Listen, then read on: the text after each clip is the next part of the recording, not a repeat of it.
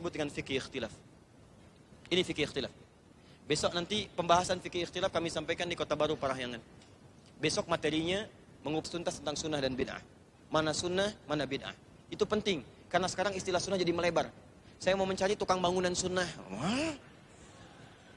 Suami sunnah, istri sunnah, seperti apa? itu tidak berlaku selamanya demikian. Tidak berlaku pasti, kadang-kadang terjadi perubahan. Karena kadang sepak bola di Indonesia itu lebih menunggu komentatornya dibandingkan dengan permainannya. Betul. Umpan 378, umpan membelah lautan, umpan sodakoh, ya. Tendangan kelok 79, ya. Masya Allah. Dan lingkaran santri dan sebagainya. Hal yang tidak pernah ditemukan dalam komentator mana pun. Dan FIFA akan sangat kesulitan menggaji komentator seperti itu. Tidak mudah. Baik, semoga ada manfaatnya. Baik, yang kedua Alhamdulillah tadi ada Profesor Omar juga menyampaikan banyak hal, singkat, padat, tapi memberikan pesan-pesan tersendiri. Beliau di antara ahli fisika, ya di geofisis dan tadi kami berdiskusi, insya Allah mudah-mudahan Allah berikan kesempatan kita untuk bersinergi karena sepulang kami dari Bandung ini kita akan meluncing salah satunya kelas Quran dan di antara kelas Quran itu ada kelas-kelas bimbingan kehidupan. Ada kelas dokter, ada kelas pengusaha, ada kelas ibu rumah tangga, dan juga ada kelas calon-calon ilmuwan masa depan yang tidak hanya belajar tentang pengetahuan sains, tapi juga menurunkan ayat-ayat Quran terkait dengan hal-hal yang dimaksudkan. Kita berharap ada ahli fisika yang ketika belajar dia bisa mempelajari juga ayat-ayat Quran terkait dengan petunjuk-petunjuk fisika. Ada misalnya astronomi dia belajar juga ayat-ayat Quran yang berbicara tentang itu. Dan kita akan lihat kenapa banyak para penemu dulu yang pernah saya sampaikan di tempat ini pula ketika membaca Quran dia tidak sekedar mengkaji ayat-ayat dalam jenis bacaan tapi bisa melahirkan penemuan-penemuan yang sangat unggul, terdepan dan bermanfaat bagi kehidupan manusia pada masa itu berlangsung dan hingga kini. Dan kita mengharapkan sekarang kualitas-kualitas teman-teman kita, saudara-saudari kita, apa pun profesinya, bisa melihat dalam kehidupan, khususnya kehidupan ini, menyampaikan tausiah terkait dengan tema yang cukup unik menurut saya. Tema ini disampaikan oleh teman-teman beberapa pekan ke belakang. Ustaz, kita ingin bahas insya Allah di kajian satu saf, temanya ambil baiknya dan buang buruknya. Saya pikir apa yang sangat istimewa dengan tema ini? Kita semua sudah paham kalau ada yang baik ambil, yang buruk tinggalkan. Selesai. Ya, ada hal-hal yang baik dalam agama kita, kata agama kita baik, ambil. Kata agama kita buruk, tinggalkan. Kalau bahasanya seperti itu, barangkali tuntas. Tapi kemudian kami diperlihatkan, ada hal yang sangat viral, sampai dengan mungkin kekinian, ya ada tulisan-tulisan dengan quote yang tadi, ambil baiknya, buang buruknya, kemudian ditampilkanlah video kami salah satunya di sana, yang menyampaikan motivasi untuk bersatu, mengambil kebaikan-kebaikan dari para ustadz-ustadz, dan mungkin meninggalkan hal yang tidak disepakati. Itu kami sampaikan saat berada di Al-Irsyad di Surabaya. Kemudian setelah itu muncul ya pandangan-pandangan, kemudian kami perhatikan satu dengan yang lainnya sehingga muncul kemudian turunan-turunan pemahaman yang kiranya penting untuk didudukkan kembali. Tapi saya ingin garis bawahi bahwa yang pertama, ingat baik-baik, jangan membiasakan mengikuti kajian hanya untuk mencari amunisi untuk mendebat orang lain. Itu tidak baik. Dan tidak pernah ada satupun tuntunan dalam Al-Quran dan Sunnah yang meminta kita untuk mengikuti satu kajian untuk mencela orang, mendebat orang atau mencari musuh dalam kehidupan. Wallahu a'lam bissawab dengan semua niat orang-orang yang belajar. Tapi saya ingatkan kepada Anda dan ingat betul pesan saya ini. Saya akan bersaksi di hadapan Allah bahwa saya tidak pernah mengajarkan siapa pun yang menggunakan ajaran-ajaran kami untuk mencela orang lain atau bahkan menyudutkan orang lain. Ya, ini penting kemudian untuk kita tanamkan sehingga melahirkan keberkahan dari pengetahuan yang kita dalami.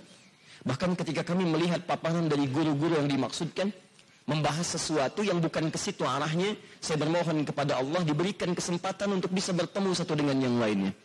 Maka muncullah kemudian pertemuan yang diinisiasi oleh Kerajaan Saudi Arabia bekerja sama dengan Pemprov DKI melalui pertemuan multaqa al-ulama wa du'a, pertemuan dai dan ulama. Ada kurang lebih setidaknya 500 dai berkumpul dan para ulama. Ya, tidak ada alasan bagi kami untuk tidak hadir dalam pertemuan itu sekalipun satu dua hari. Maka kami datang Ya, dan berkumpul dengan teman-teman. Saya tunggu sampai puncak bagian yang terakhir. Di hari akhirnya sampai kami datangi penutupannya, hadir di dalamnya. Ya, tapi dalam masa penantian itu Ya, mungkin Allah berkehendak lain, ada sebagian dari saudara-saudara kita yang sering kali beda pandangan ternyata belum punya kesempatan untuk bisa hadir, duduk bersama-sama. Sekalipun sebagian besar kami menanti bahkan menghadirkan waktu khusus agar kita bisa berbincang sehingga memberikan ketenangan kepada umat. Persoalan terbesarnya sekarang, masalah-masalah yang terjadi di level para guru, para ustadz, itu tidak pernah dihadirkan diskusi dan diselesaikan solusinya di antara para ustadznya. Tapi lebih diterjemahkan kepada para masanya, para jamaahnya, yang dengan itu semua akhirnya menghadirkan banyak pertentangan dan perselisihan. Ustadz ini berkata A, ustadz yang lain berkata B. Dua pemahaman yang beda ditularkan kepada jamaahnya, tapi dua ustadznya tidak pernah bertemu. Dan menghindari kebiasaan di masa lalu. Ulama kita dulu kalau beda pendapat mereka duduk di satu majlis. Kemudian diskusi. Bahkan jamaahnya melihat. Dan indahnya kesimpulannya selalu keluar kalimat yang sama. Apa kalimatnya?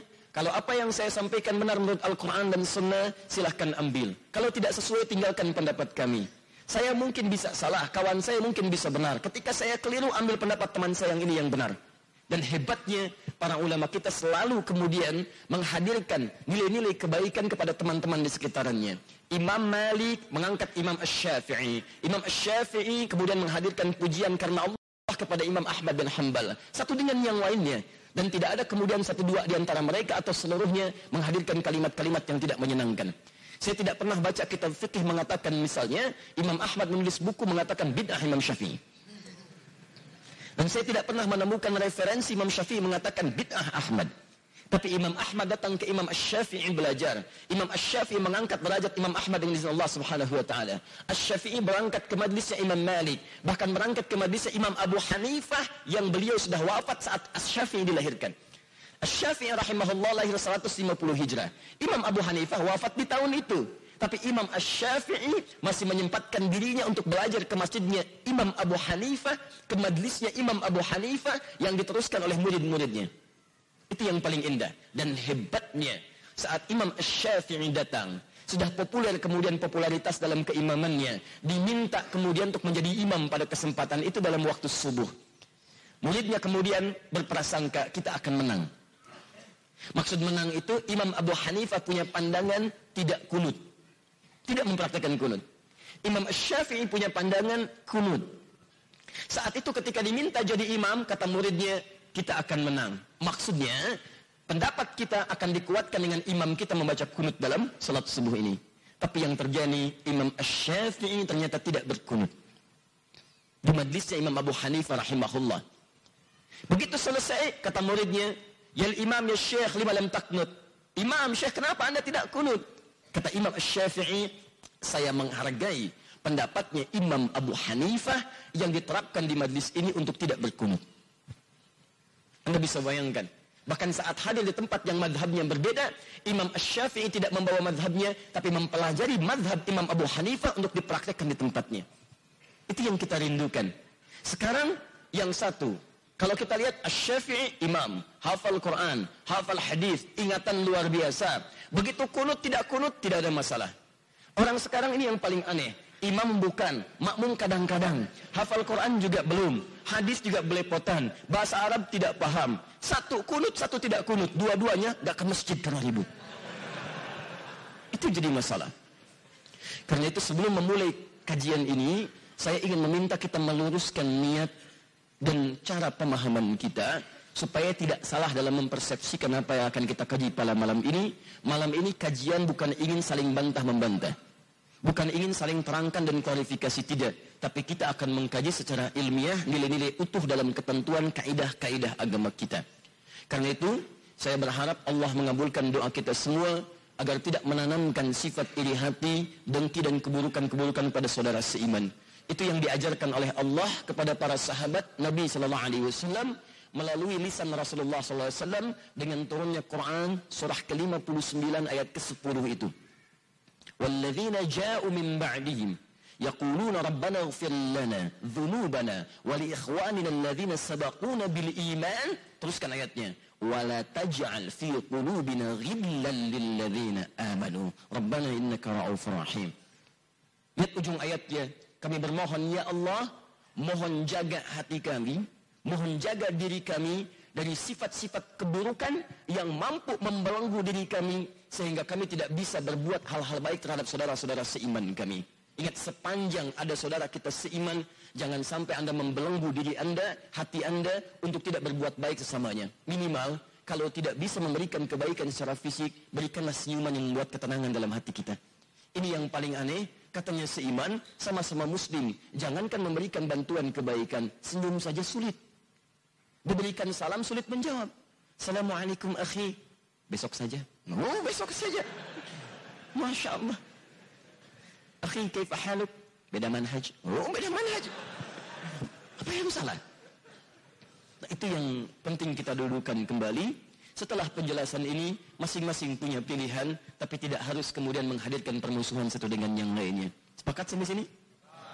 Baik. Mari kita dudukan dulu persoalan-persoalan yang akan kita bahas pada malam ini, termasuk juga yang viral dalam media sosial di beberapa hari-hari belakangan. Bismillah. Dan ingat ya, kajian kita tidak membahas person per person, kelompok per kelompok, tapi kita mendudukan pemikiran sehingga terarah cara berpikirnya dengan cara yang benar.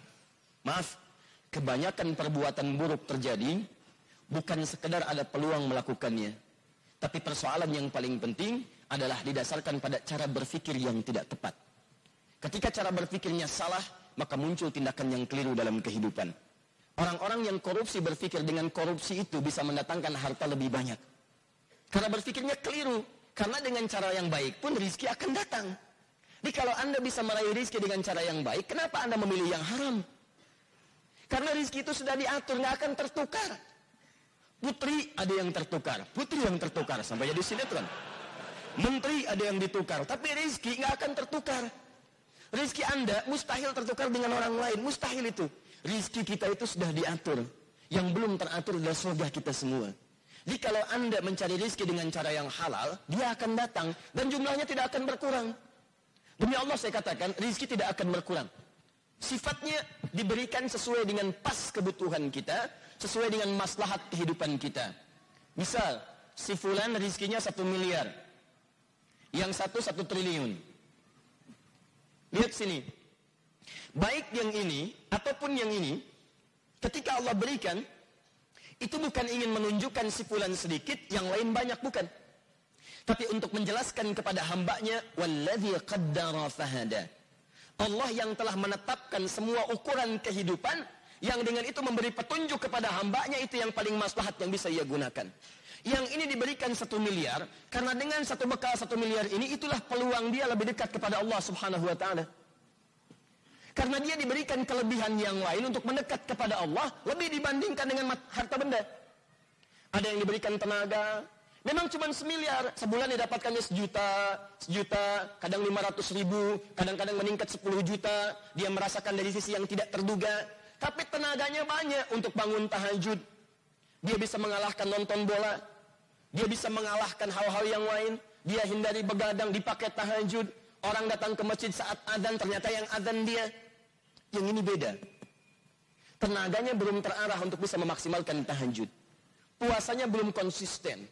Azan belum mampu dilakukan. Maka Allah berikan peluang untuk menyusul amalan yang lainnya dengan pendekatan harta benda. Diberikanlah kemudian kelebihan dibandingkan dengan yang ini dari sisi harta materinya.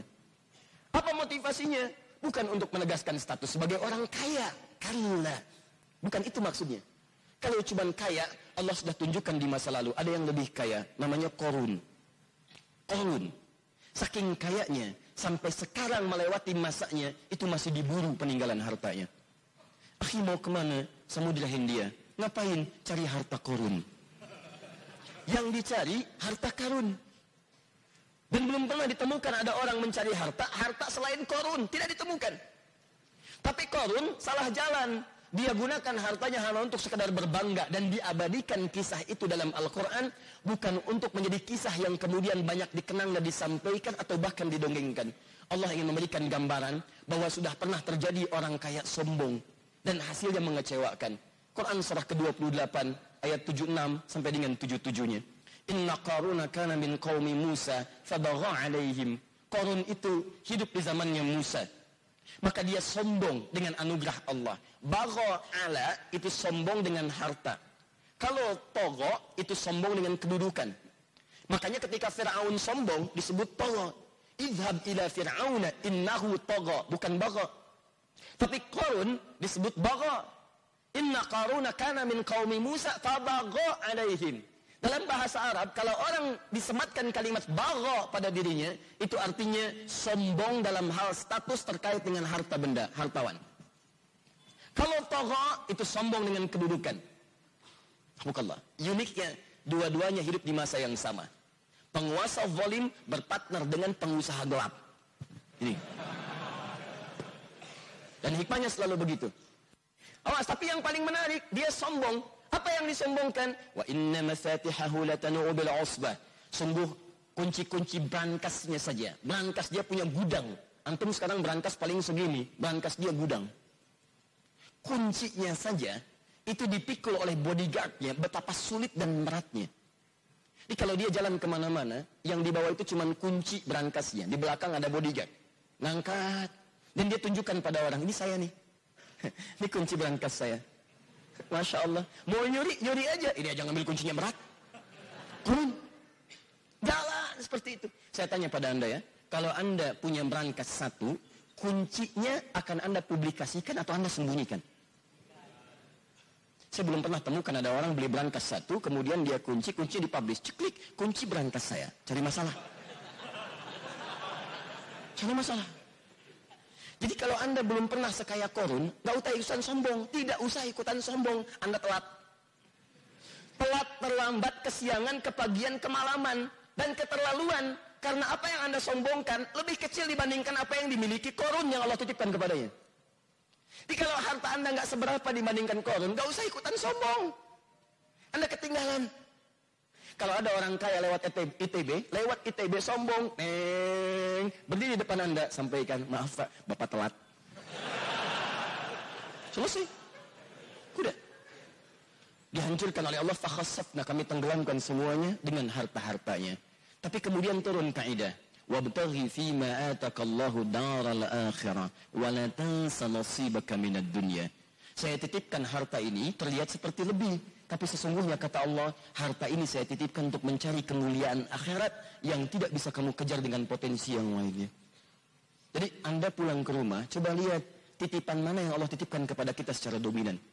Ada yang kedudukan, pakai kedudukan itu untuk beramal. Sebelum itu ditukar. Karena kaidah kedudukan tidak abadi. Buka Quran surah ketiga, Ali Imran. Dari ayat 26 sampai 27-nya. Qulillahumma malikal mulki tu'til mulka man tasha wa tanzi'u mulka mimman tasha. Anda yang sekarang misalnya jadi rektor, ada yang misalnya bupati, wali kota, macam-macam. Sepanjang melekat kedudukan itu, itu titipan. Supaya Anda bisa beramal dengan kedudukan itu. Sebab itu peluang, kalau sudah nggak ada lagi, peluang itu terhapus dari diri Anda. Mumpung Anda misalnya direktor nih, misal, buat sebuah misalnya ketetapan, tanda tangan. Bagi mahasiswa, para dosen, Ya, ketika masuk waktu sholat diutamakan bagi siswa yang muslim, dosennya misalnya, ayo maksimalkan sholat berjamaah di masjid. Anda tuliskan, bubuhkan tanda tangan. Begitu ada orang-orang yang ke masjid karena melihat surat dengan tanda tangan Anda, setiap orang yang ke masjid Anda mendapatkan bagian pahalanya. Dan saya katakan kepada Anda, orang ke masjid itu bukan cuma sholat. Datang. Dia berdoa.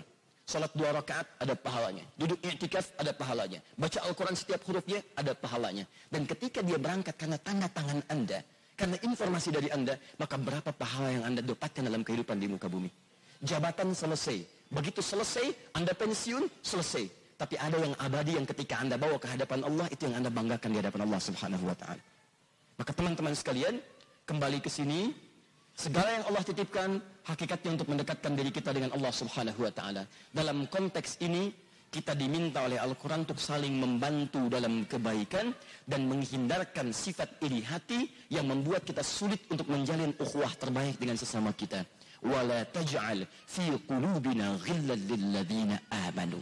Nah, di antara cara untuk merekatkan ukhuwah satu dengan yang lainnya, maka Allah Subhanahu wa taala menurunkan ayat-ayat, Nabi menyampaikan keterangan-keterangan hadis yang saking pentingnya ayat dan hadis ini, para ulama memberikan porsi pembahasan tersendiri.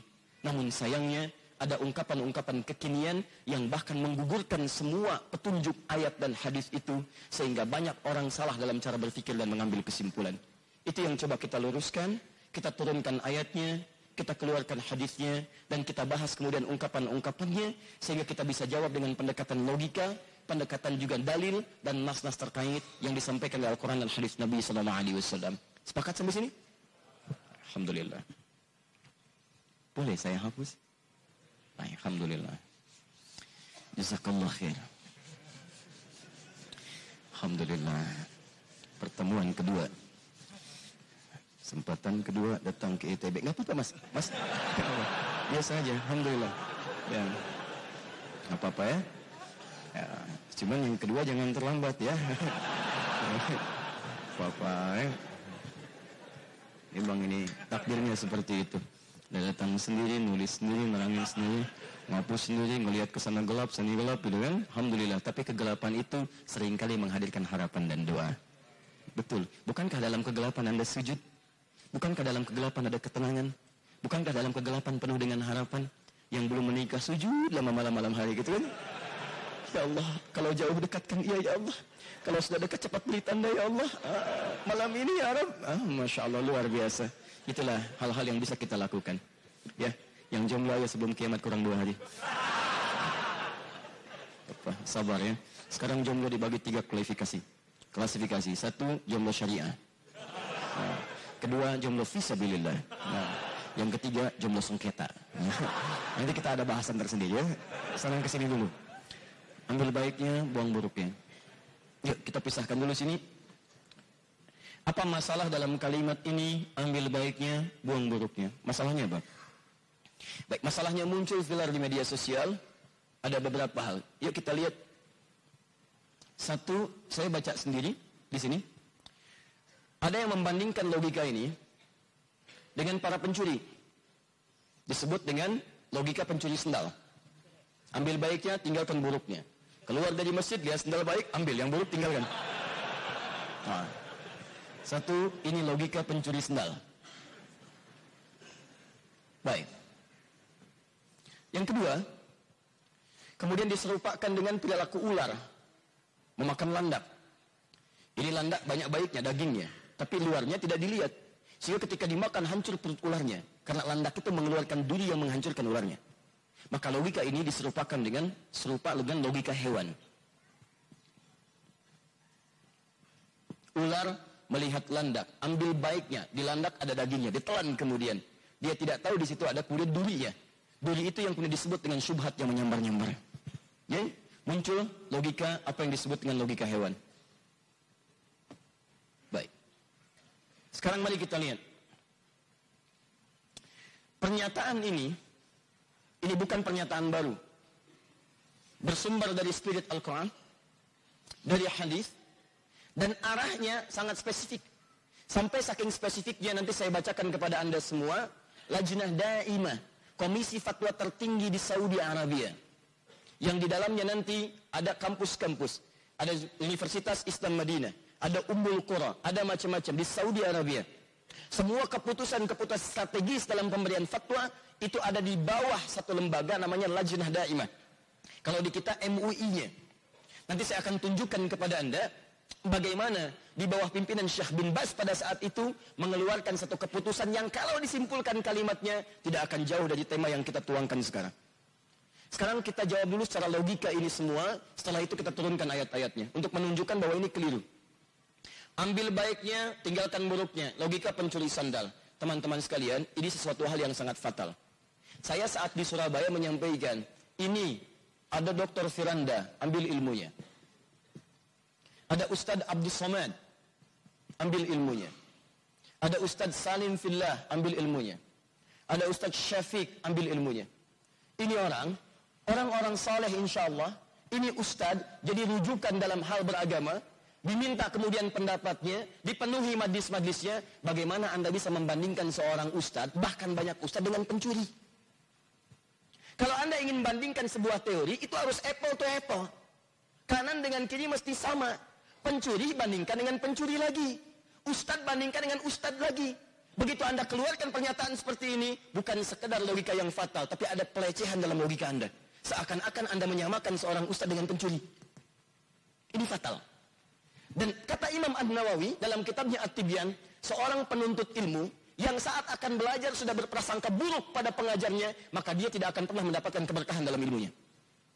Di prasangka buruk saja sudah nggak dapat berkah. Bagaimana ketika Anda menuduhkan dengan kalimat-kalimat yang sangat tajam itu? Itu yang berbahaya.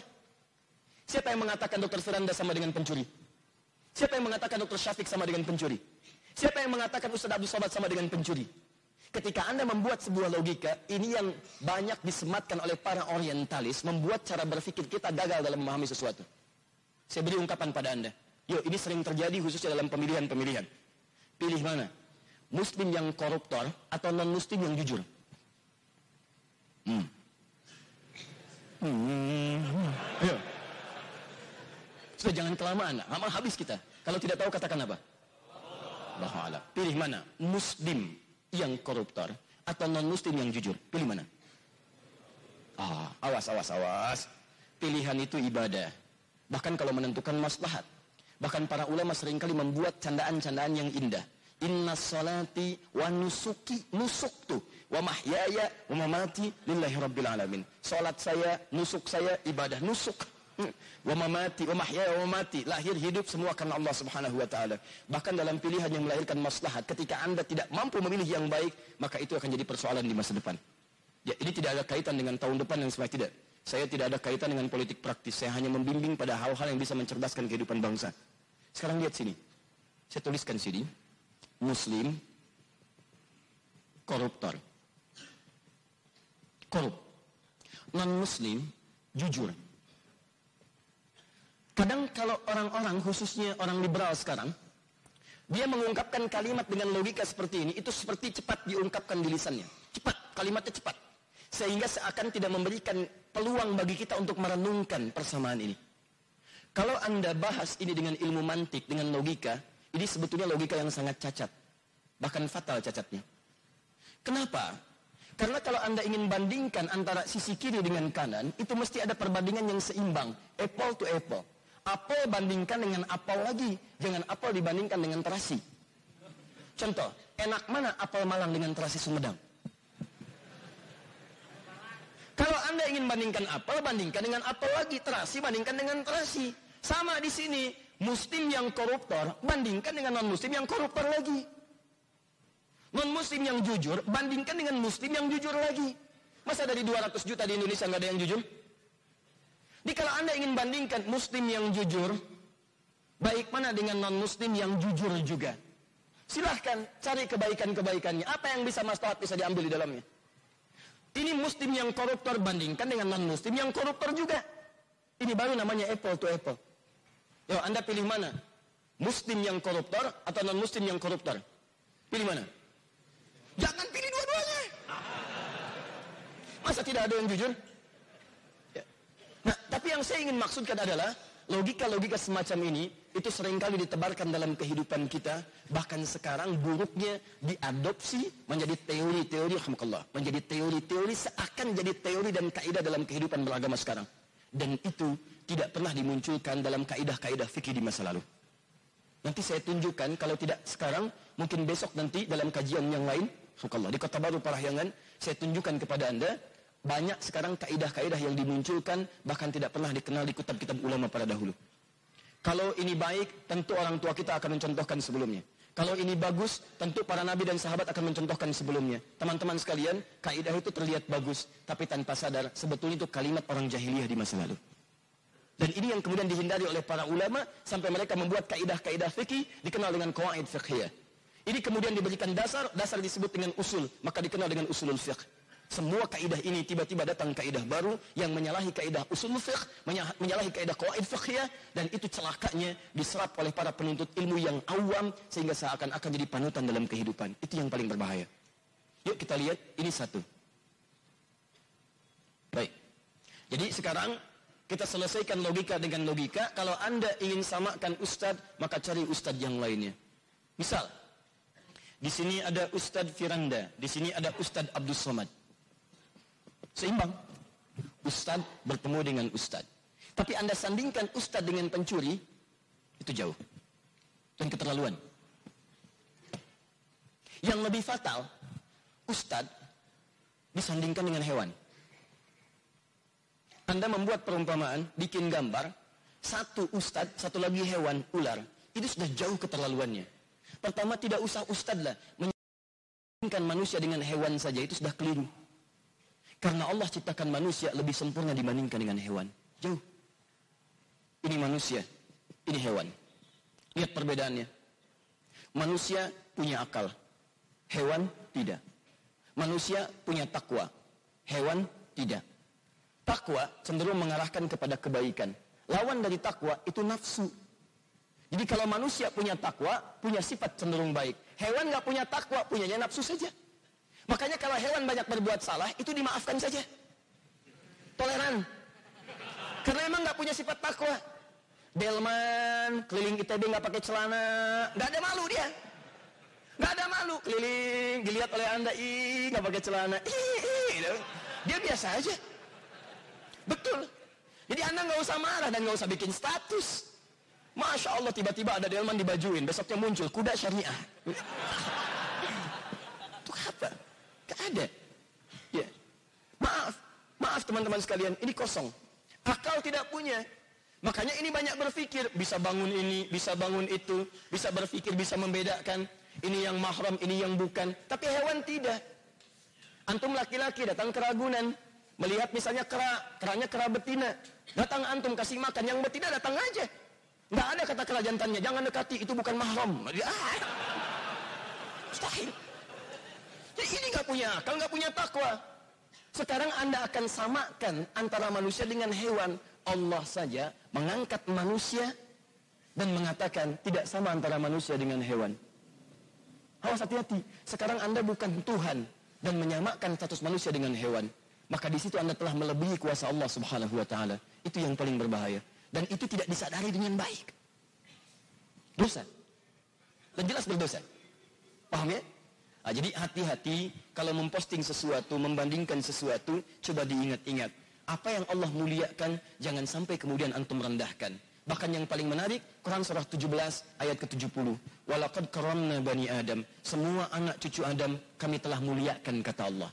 Ketika Allah menciptakan manusia anak cucu Adam, semua melekat dengan kemuliaan. Makanya Allah tidak ingin mata anda dipakai melihat maksiat. Karena maksiat itu tidak mulia. Allah tidak ingin lisan anda dipakai berkata yang kotor. Karena yang kotor itu tidak mulia.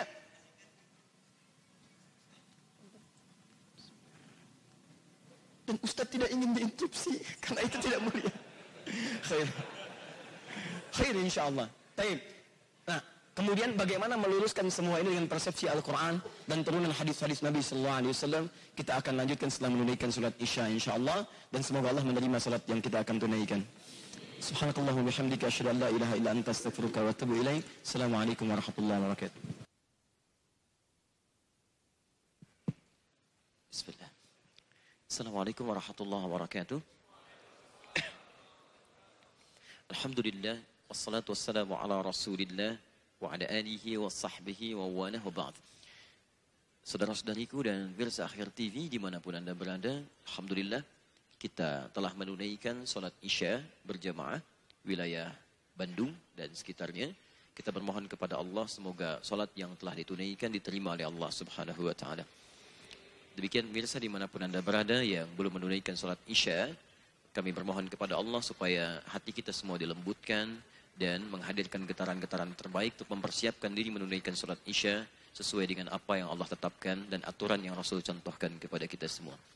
Baik teman-teman sekalian, tadi telah kita bahas bahwa ambil baiknya, buang buruknya, tidak seperti yang dipersepsikan oleh sementara orang sekarang, sehingga membuat perumpamaan-perumpamaan yang tidak sejalan dan tidak sebanding satu dengan yang lainnya. Ada yang membandingkan pernyataan ambil baik, buang buruk dalam nilai agama yang disampaikan dengan ustadz misalnya, dilogikakan dengan para pencuri. Bagaimana Anda bisa membandingkan seorang ustadz dengan pencuri yang jauh antara kanan dengan kirinya? Apalagi ketika Anda turunkan dan bandingkan antara pengajar agama dengan hewan. Jangankan seorang ustadz, manusia pun tidak layak dibandingkan dengan hewan. Jauh nilainya, jauh sifatnya, dan berbeda fitrahnya. Bahkan ketika Allah menciptakan manusia, itu melekat semua nilai kemuliaan pada dirinya. Yang itu mesti dipertahankan sampai kembali kepada Allah subhanahu wa ta'ala. Tadi kita berhenti di Quran surah ke-17 ayat 70. Walakad karamna bani Adam. Sungguh kami telah muliakan semua anak cucu Adam. Mulia. Dan ketika disebut mulia, itu melekat pada seluruh anggota tubuh kita. Makanya saking mulianya jasad ini, tidak boleh anggota tubuh kita digunakan untuk hal-hal yang tidak mulia. Misal, saya sering tanyakan pada teman-teman, apa fungsi mata? Kebanyakan orang mengatakan untuk melihat. Beda. Mata kita ini mata mulia. Karena itu ketika keluar tuntunan tentang melihat, itu penglihatan dilekatkan dengan kemuliaan. Kalau cuma melihat, hewan pun melihat. Dan tidak layak membandingkan mata hewan dengan mata kita. Karena mata hewan tidak mulia sekalipun melihat, maka itu dia tidak dihisap. Tidak dihisap, tapi mata kita dihisap. Saking mulianya. Quran surah 17 ayat 36. Inna sam'a wal basara wal fu'ada kullu ulaika kana anhu mas'ula. Sungguh pendengaran manusia, penglihatannya, bahkan apa yang ia fikirkan, itu akan dihisap dan ditanya oleh Allah subhanahu wa ta'ala. Makanya ketika mata anda akan digunakan untuk melihat, kata Allah saya tidak ridha kalau digunakan pada yang tidak baik. Turun Quran surah ke-24, surah cahaya. Mata orang-orang yang bercahaya akan berbeda dengan mata biasa. Ayat 30 untuk laki-laki wa kullil mu'minina yaghuddu min absarihim.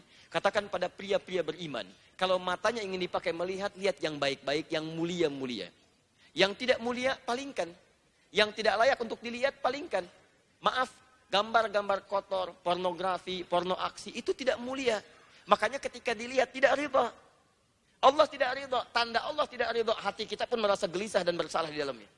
Kalau tidak percaya silahkan, Anda mencoba melihat gambar-gambar yang tidak seronok, hati Anda akan menolak. Karena jiwa Anda mulia.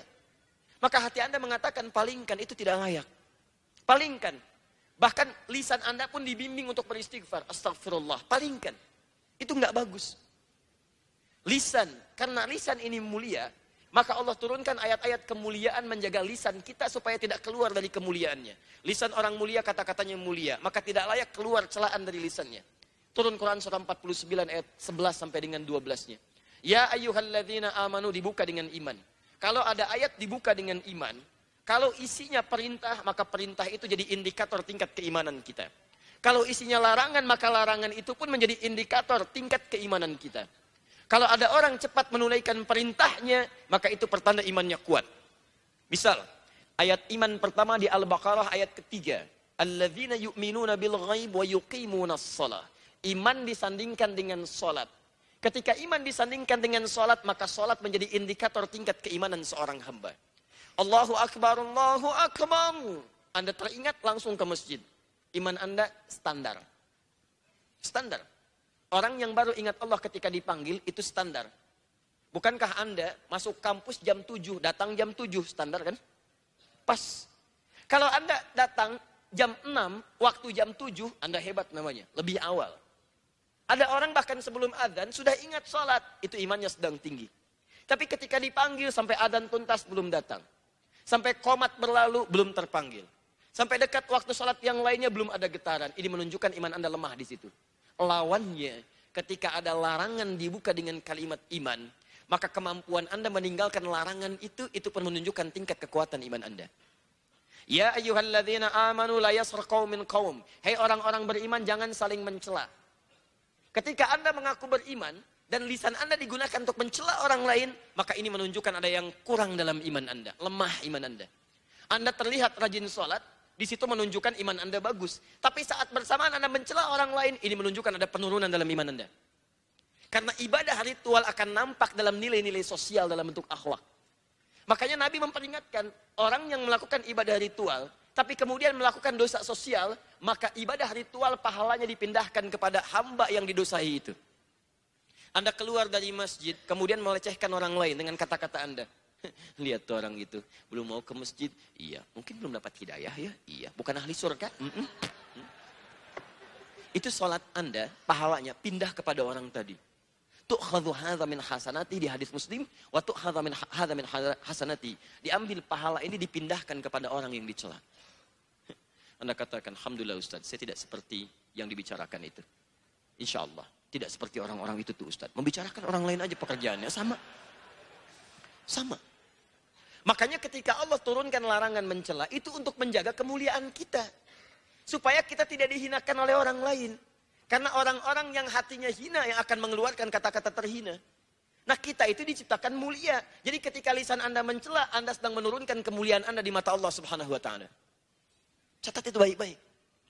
Nah sekarang persoalannya, ketika Allah muliakan Anda, justru Anda menyandingkan kemuliaan itu dengan hewan yang jauh statusnya.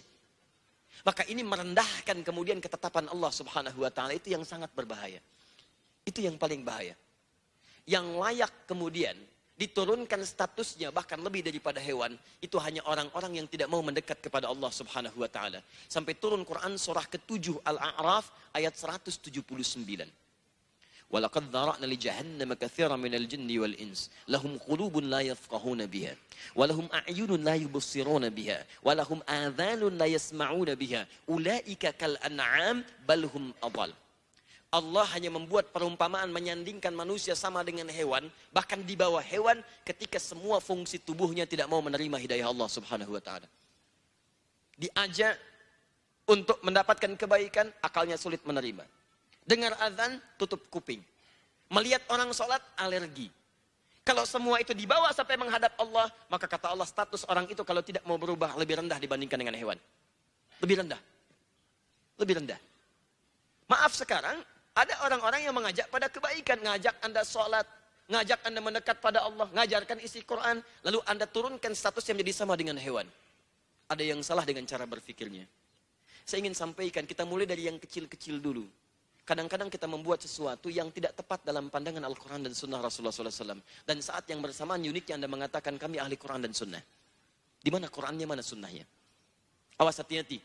Ketika Anda pintar dalam urusan dunia, tapi awam dalam urusan agama, kadang-kadang keawaman itu bisa menurunkan status kepintaran Anda sampai tidak bisa mencerna logika yang sangat sederhana. Ingat, pintar itu anugerah, tapi bodoh itu pilihan. Paham sampai sini? Baik, Alhamdulillah. Kenapa hilang tulisannya? Oh, ini whiteboardnya agak unik. Ketika saya ingin dihapus, tidak dihapus. Ketika saya tidak menginginkan dihapus, hilang tulisannya. Ambil baiknya, buang buruknya. Baik. Semoga Allah ampuni dosanya. Saya mesti nulis lagi. Tadi secara logika, jadi kita, maksud saya begini, logika selesaikan dengan logika lagi. Kadang-kadang tidak perlu banyak dalil untuk melawan logika yang salah. Sesuatu yang salah itu sederhana, selesai, nggak perlu banyak dalil.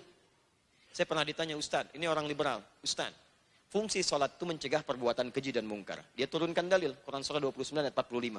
Inna sholat tanha anil fahsyai wal mungkar. Sekarang, saya sudah bisa menata diri menjauhi perbuatan keji dan mungkar. Berarti saya sudah tidak perlu sholat lagi. Saya katakan maaf mas, meninggalkan sholat termasuk perbuatan mungkar. Selesai.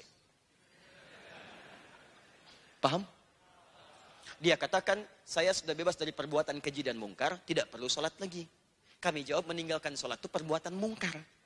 Jadi kalau Anda meninggalkan sholat berarti Anda belum terbebas dari perbuatan mungkar. Artinya Anda masih harus terus menunaikan sholat sampai dengan kembali kepada Allah subhanahu wa ta'ala. Paham sampai sini? Ah, saya di Hamburg beberapa waktu lalu, disoal juga oleh orang liberal. Ustadz kenapa tidak ada nabi perempuan? Kemudian dia bercanda, kalau ada namanya nabi ya bukan nabi. Bukan, bukan. Dulu nabinya laki-laki, itu yang nanya perempuan. Dulu nabinya laki-laki karena perempuannya seperti Sayyidah Khadijah, Sayyidah Aisyah. Sekarang anda nanya nabinya perempuan karena orangnya seperti anda. Ini yang pencuri sudah kita selesaikan. Ini logikanya yang salah. Dua, logika hewan sudah juga kita jawab. Bahwa ini fatal bahkan bisa berpotensi menyalahi ketetapan Allah Subhanahu wa taala dan dosanya dosa kuadrat di sini. Hati-hati, ini lebih bahaya. Baik. Sekarang bagian yang ketiga. Sekarang ada dalil-dalil yang digunakan. Bagaimana kemudian kita bisa mengupas tuntas dalil dimaksud sehingga sesuai dengan pemahaman yang benar menurut para ulama dan salafus saleh. Karena memahami dalil itu tidak bisa sendirian. Anda baca, Anda paham, mustahil. Imam Al-Bukhari itu menulis Sahih Al-Bukhari 16 tahun. Sebagian ditulis di Mekah, disempurnakan di Madinah. Sebelum nulis, sholat dulu. Minta petunjuk kepada Allah. 16 tahun selesai. Kemudian Anda 16 hari memberikan fatwa dengan itu. Bagaimana bisa memahaminya? Makanya para ulama kemudian membuat kaidah-kaidah bahkan dituangkan di hadis Muslim, nomor hadis kita akan lihat misalnya kita ambil halaman 119 dulu. Di jilid yang pertama. Paling kiri sebelah atas. Riwayatnya sampai ke Ibnu Sirin dan masuk dalam Sahih Muslim. Babnya Babul Isnad Minad Din. Babul Isnad Minad Din. Alhamdulillah. Bab belajar agama dengan sanad. Sanad itu runtutan pengetahuan atau periwayat yang tersambung kepada Nabi SAW. Di kalau Anda ingin belajar, Anda mesti cari guru-guru yang benar, yang menyampaikan pengetahuan-pengetahuan yang itu tersambung sanadnya ke Nabi SAW. Dapat dari sipulan, dapat dari sipulan, dapat dari sipulan itu sanad. Nah kalau Anda memahami nilai pengetahuannya yang membimbing kita dalam beraktivitas, itu pengetahuannya disebut dengan isnad namanya. Nah kata para ulama, pastikan kalau... Ya, insya Allah. Sepanjang saya lebih cepat, saya menghapus. Zakallah khair. Silahkan. Zakallah. Cukup ya? Uh, tidak, cukup dulu insya Allah. Baik. Tapi saya sampaikan dari sekarang supaya tidak kecewa. Menghapus beda hukumnya dengan megang mic ya. Ah. Satu.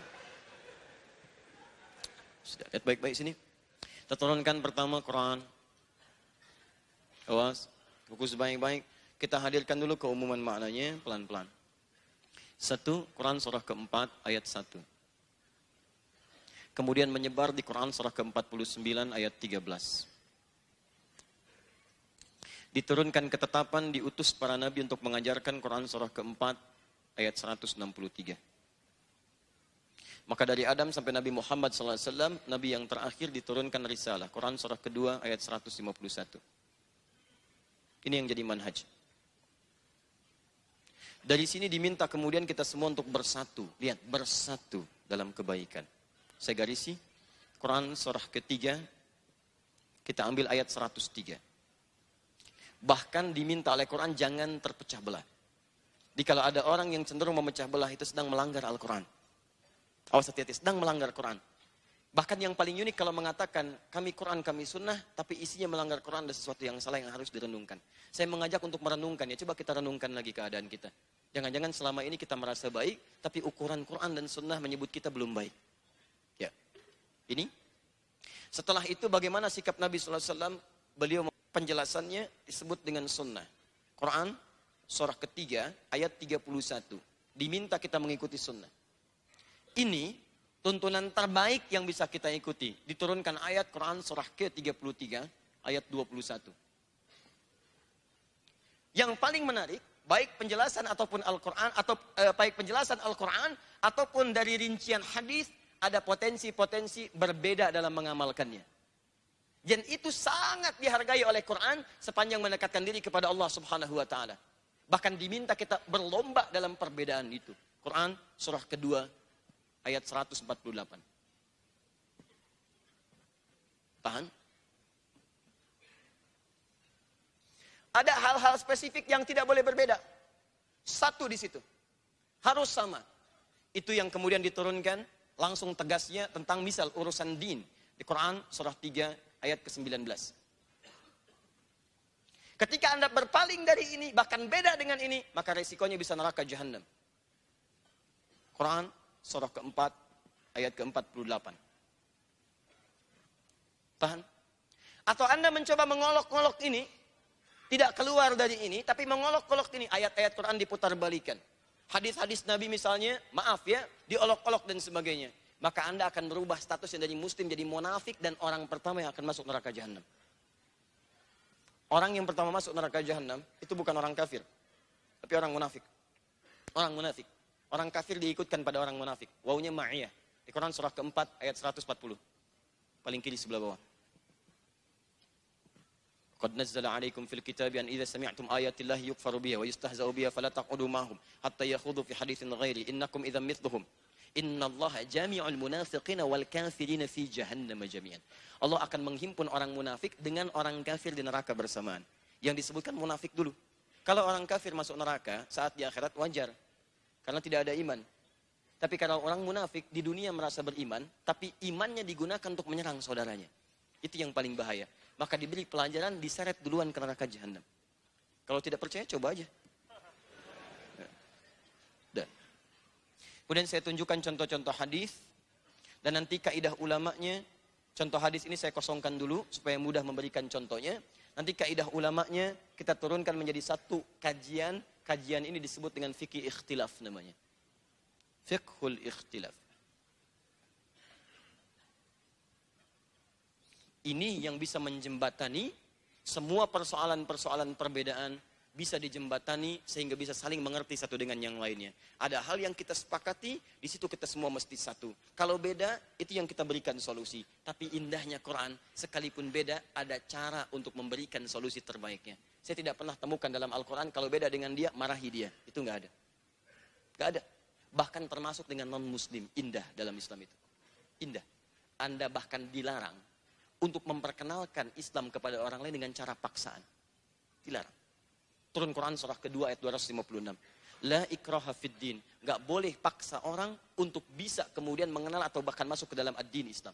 Baik cara halus atau kasar. Setelah pengajian ini Anda datang ke daerah pengungsian misalnya, sedang tertimpa bencana, tiba-tiba Anda bawa Indomie. Bawa Supermi. Anda paksakan ke situ orang sedang kelaparan, Pak, Indomie Pak. Maaf, masuk Islam dulu kami kasih Indomie. Tapi kan Indomie Pak kami butuhkan tidak. Ini Indominya Indomie Islam seterusnya. Tidak boleh. Dosa Anda. Apalagi dengan cara yang kasar. Hati-hati. Anda jadi dokter, tiba-tiba masuk ke daerah bencana. Terus Anda berikan obat, obatnya naikin dosisnya sampai ada ketergantungan. Begitu dia minta bagian dari obat Anda katakan, masuk Islam dulu baru saya berikan obat. Dosa Anda. Dosa. La ikraha fiddin. Kita tidak pernah mengenal cara-cara seperti itu. Apalagi Anda yang menggunakan bom, gunakan senjata, gunakan pedang dan sebagainya. Masuk Islam. Dosa. Tidak boleh. Tadi di istiqomah saya sampaikan di beberapa tempat. Teman-teman sekalian, itu berbahaya. Berbahaya. Waktu bom di Jalan Tamrin tuh saya di Lampung tuh. Itu langsung begitu meledak, terus ditanya, Ustaz, apakah bom di Jalan Tamrin itu termasuk jihad? Fisabilillah. Saya diam sebentar, saya jawab, Mas, sependek pengetahuan saya, jihad fisabilillah itu jihad di jalan Allah, bukan di jalan Tamrin. Baik.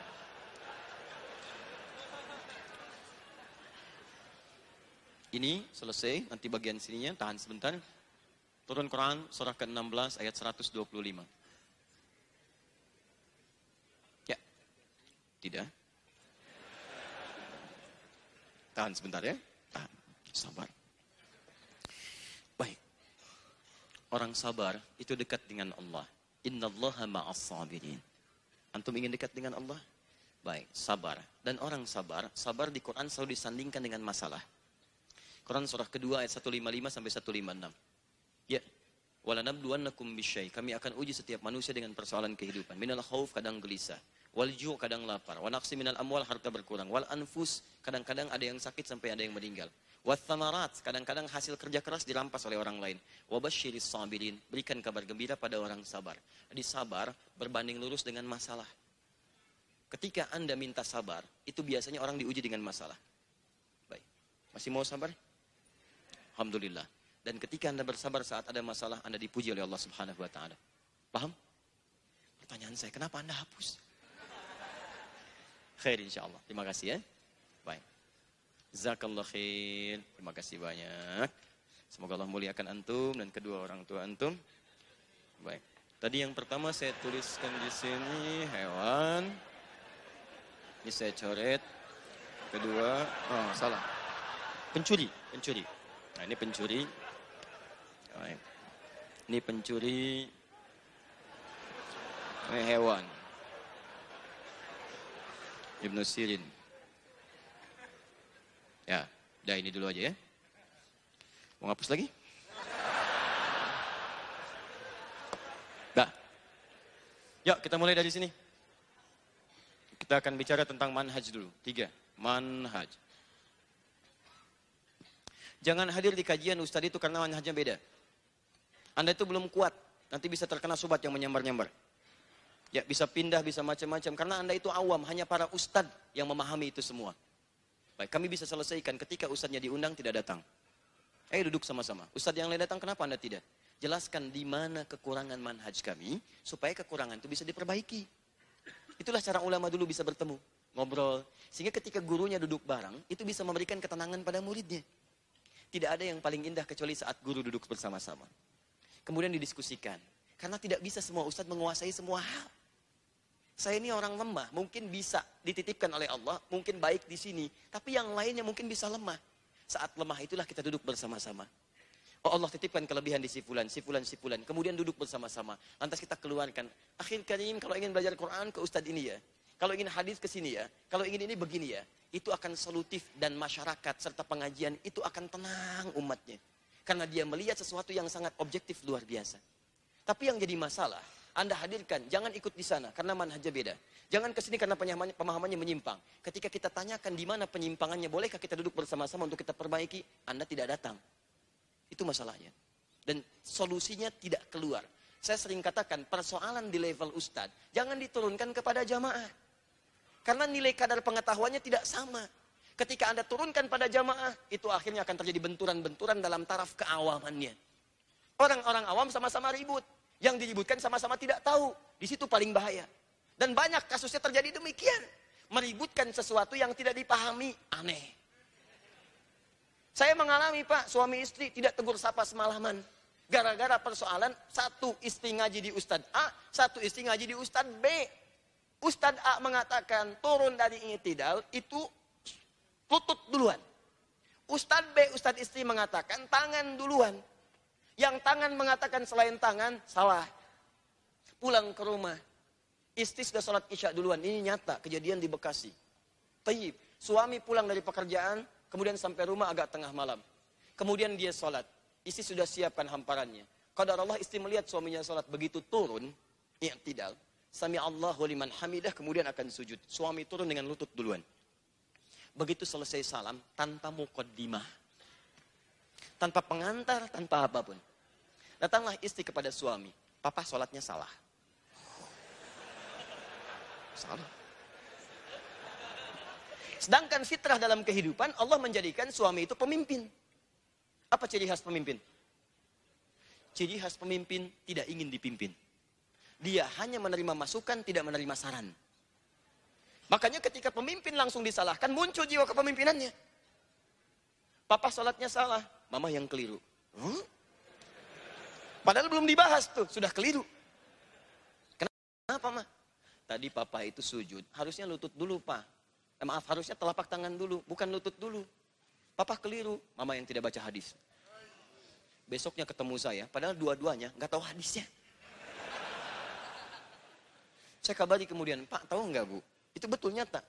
Ibu dan bapak, bapak yang pakai lutut, itu hadisnya ada di Abu Daud. Nomor hadis 838. Posisi paling kanan sebelah bawah. Periwayatnya namanya Wa'il bin Hujur. Bunyi hadis ya kalau Bapak mau dengar. Qala bima ma'na. Qala Rasulullah sallallahu alaihi wasallam, "Idza sajadta fala tasjud kama yabrukul ibil, falyadha rukbatayhi qabla yadayhi." Kalau kamu pengen sujud, jangan sujud seperti duduknya unta, unta biasa. Maka dahulukan lututmu sebelum telapak tanganmu. Kalau Bapak ingin sujud pakai lutut duluan, itu hadisnya yang digunakan ini. Ibu pakai telapak tangan. Itu di kitab yang sama bu, nggak beda. Di Abu Daud, nomor hadis 840 sampai 843. Paling kiri sebelah atas, cuman beda dua nomor. Riwayatnya dari sahabat Abu Hurairah.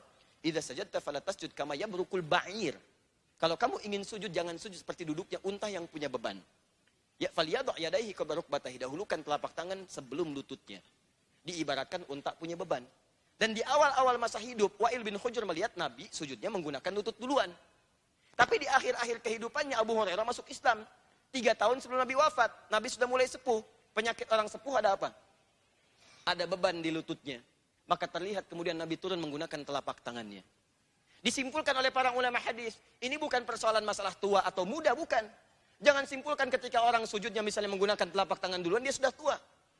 Begitu mau sujud, tua. Tidak. Lain. Bukan itu. Disimpulkan oleh para ulama hadis ini kemudahan dalam mempraktikkan ibadah. Anda mau pakai telapak tangan, boleh. Mau pakai lutut, boleh. Karena hanya dua anggota tubuh ini yang bisa digunakan saat sujud. Sekarang kalau Anda hanya pegang telapak tangan saja, begitu telapak tangan bermasalah, mau pakai apa?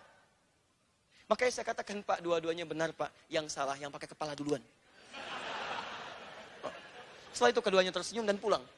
Anda bayangkan, hanya gara-gara gagal pemahaman. Kata gurunya mengatakan cuman ini yang benar, yang lain salah. Itu terjadi bahkan pertengkaran sampai di rumah, tidak tegur sapa semalaman. dan dia lupa dia telah menjalin ikatan pernikahan dalam hidupnya.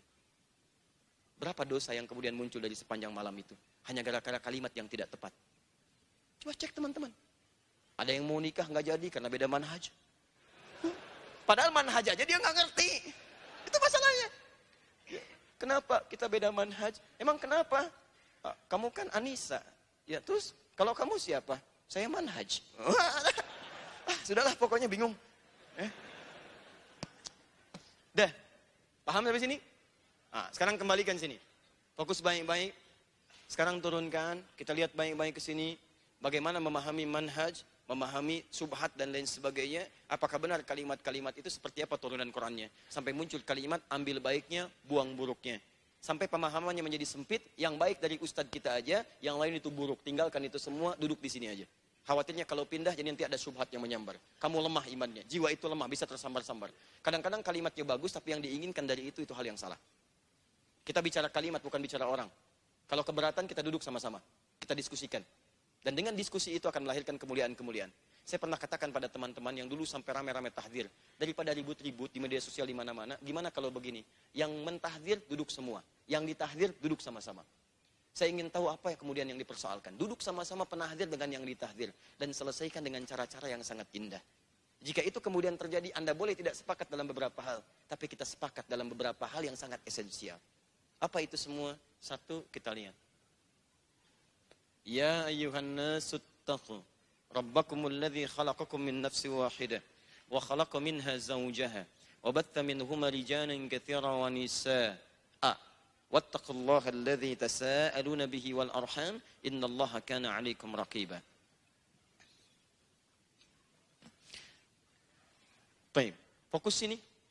Sebelum kita bicara jauh-jauh, kata Allah, Hei manusia, kalimat manusianya menggunakan bentuk nas disebutkan 241 kali dalam Al-Quran. Kalau ada kalimat di Quran dibuka dengan kata nas, maka mencakup semua manusia tanpa kecuali. Ayat ini memberikan informasi pada semua manusia tanpa kecuali. Jadi kalau Anda sampai malam ini masih jadi manusia, ayat ini informasi kepada Anda semuanya. Pada Anda, kepada saya, kepada kita. Yang bukan manusia boleh angkat tangan? Tidak. Baik, kalau sepakat semua manusia, ayat ini untuk kita. Lihat sini. Ya ayuhan nasu, Inna khalaqnakum min dzakarin wa unta. Pertama kata Allah, hei semua manusia, saya ciptakan kalian, Allah, ada dua jenis. Ingat manusia itu cuma dua. Kata Allah satu zakar laki-laki, dua unta perempuan. Jadi manusia itu cuma dua, kalau bukan laki-laki atau perempuan. Laki-laki atau perempuan. Tidak ada yang setengah laki, setengah perempuan.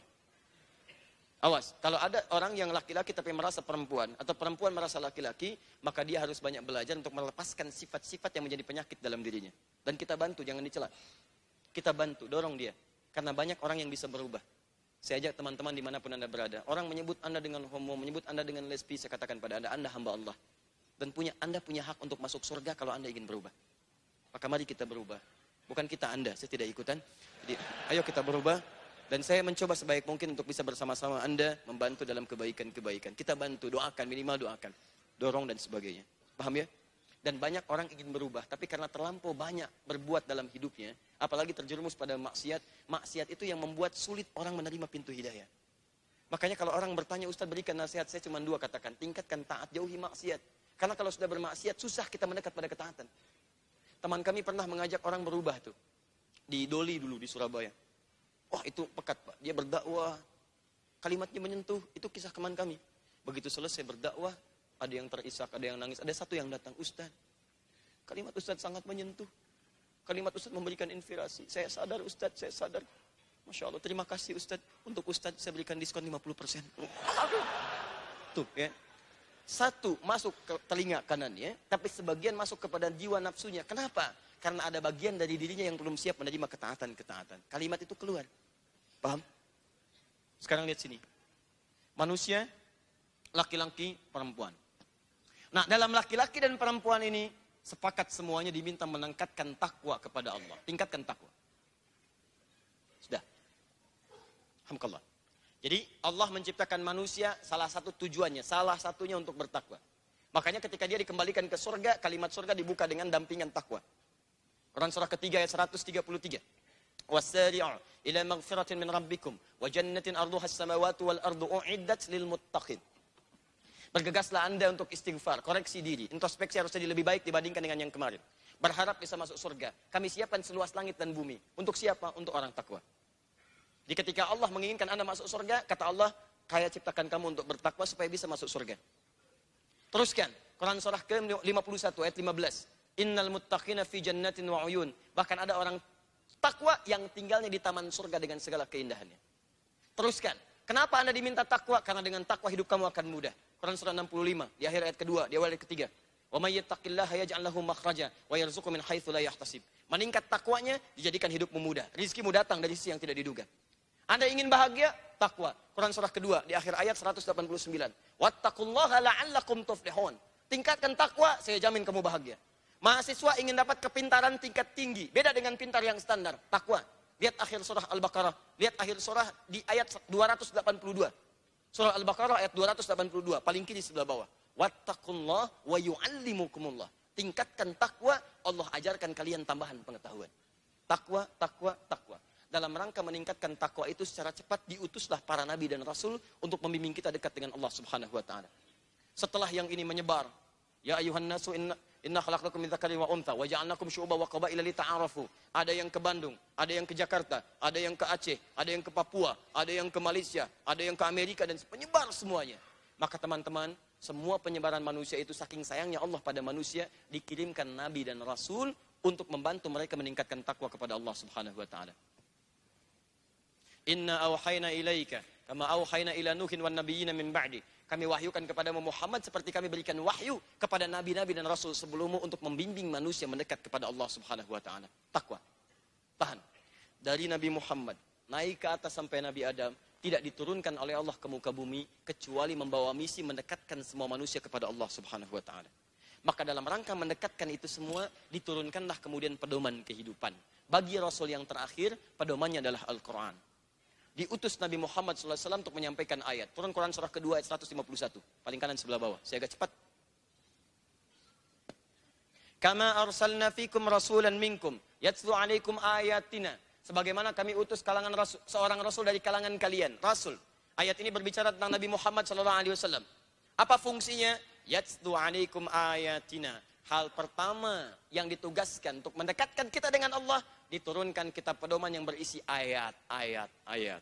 Kumpulan ayat yang diturunkan pada Nabi Muhammad disebut dengan Al-Quran. Disebutkan di Quran surah kedua Al-Baqarah ayat 185.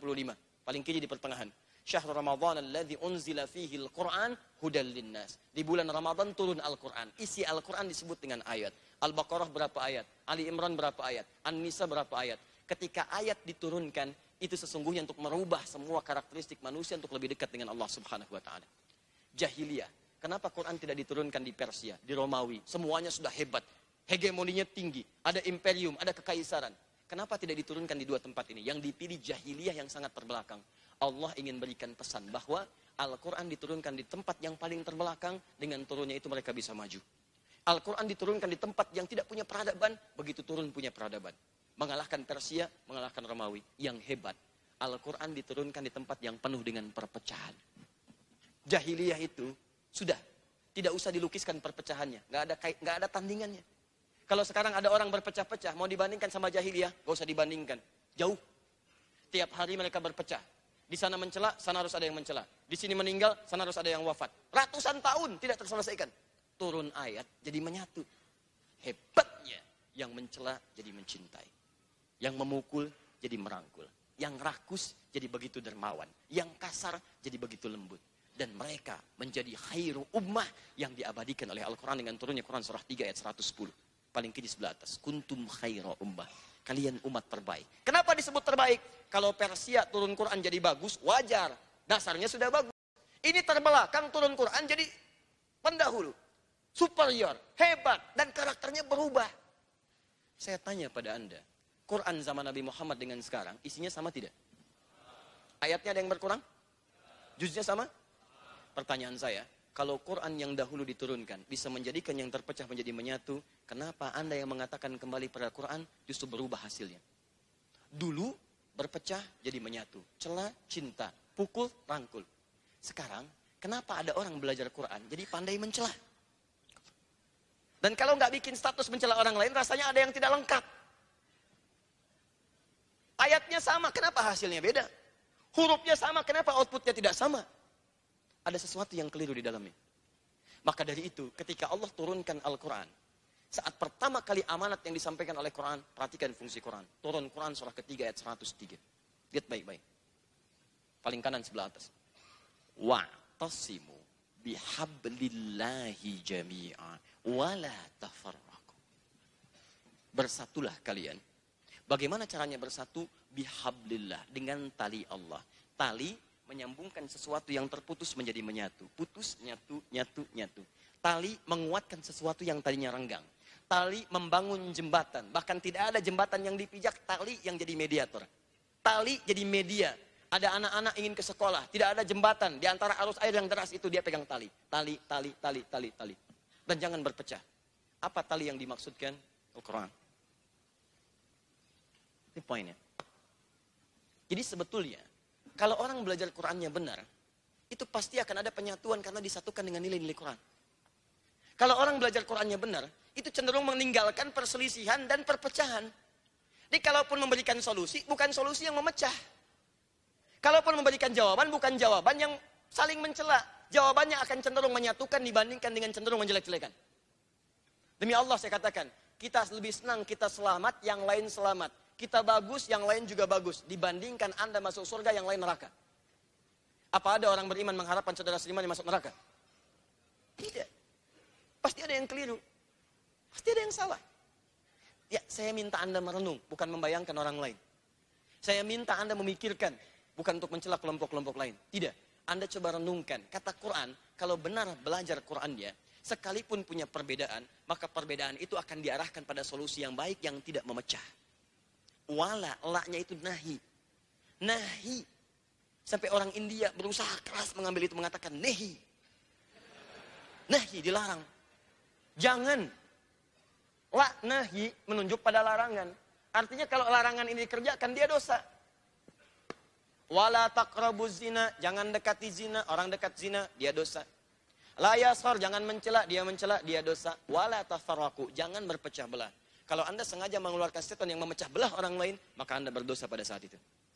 Paham? Nah, sekarang persoalannya, jika Quran diturunkan fungsi utama untuk menyatukan, maka bagaimana kita memahami isi Al-Quran ini? Secara cepat saya turunkan, ini turun Quran surah ketiga ayat 31. Kalian tidak bisa memahami Quran sendirian. Kul in kuntum tuhibbunallah, kita akan sampai ke ujungnya. Kul in kuntum tuhibbunallaha. Katakan Muhammad SAW, jika kalian umat Nabi Muhammad hamba Allah serius mencintai Allah, maka buktikan cinta itu dengan mengikuti petunjuk-petunjuk Nabi. Ternyata Allah sampaikan untuk memahami Quran itu nggak bisa sendirian. Saya utus seorang Nabi, namanya Muhammad Shallallahu Alaihi Wasallam, dan dengan petunjuk Nabi itu akan jelaslah kemudian petunjuk-petunjuk Quran. Ikuti. Ketika anda ikuti, anda mendapatkan cinta Allah Subhanahu Wa Taala sebagai bonusnya. Satu. Dua. Anda ikuti Nabi, maka Anda akan jadi teladan dalam kehidupan.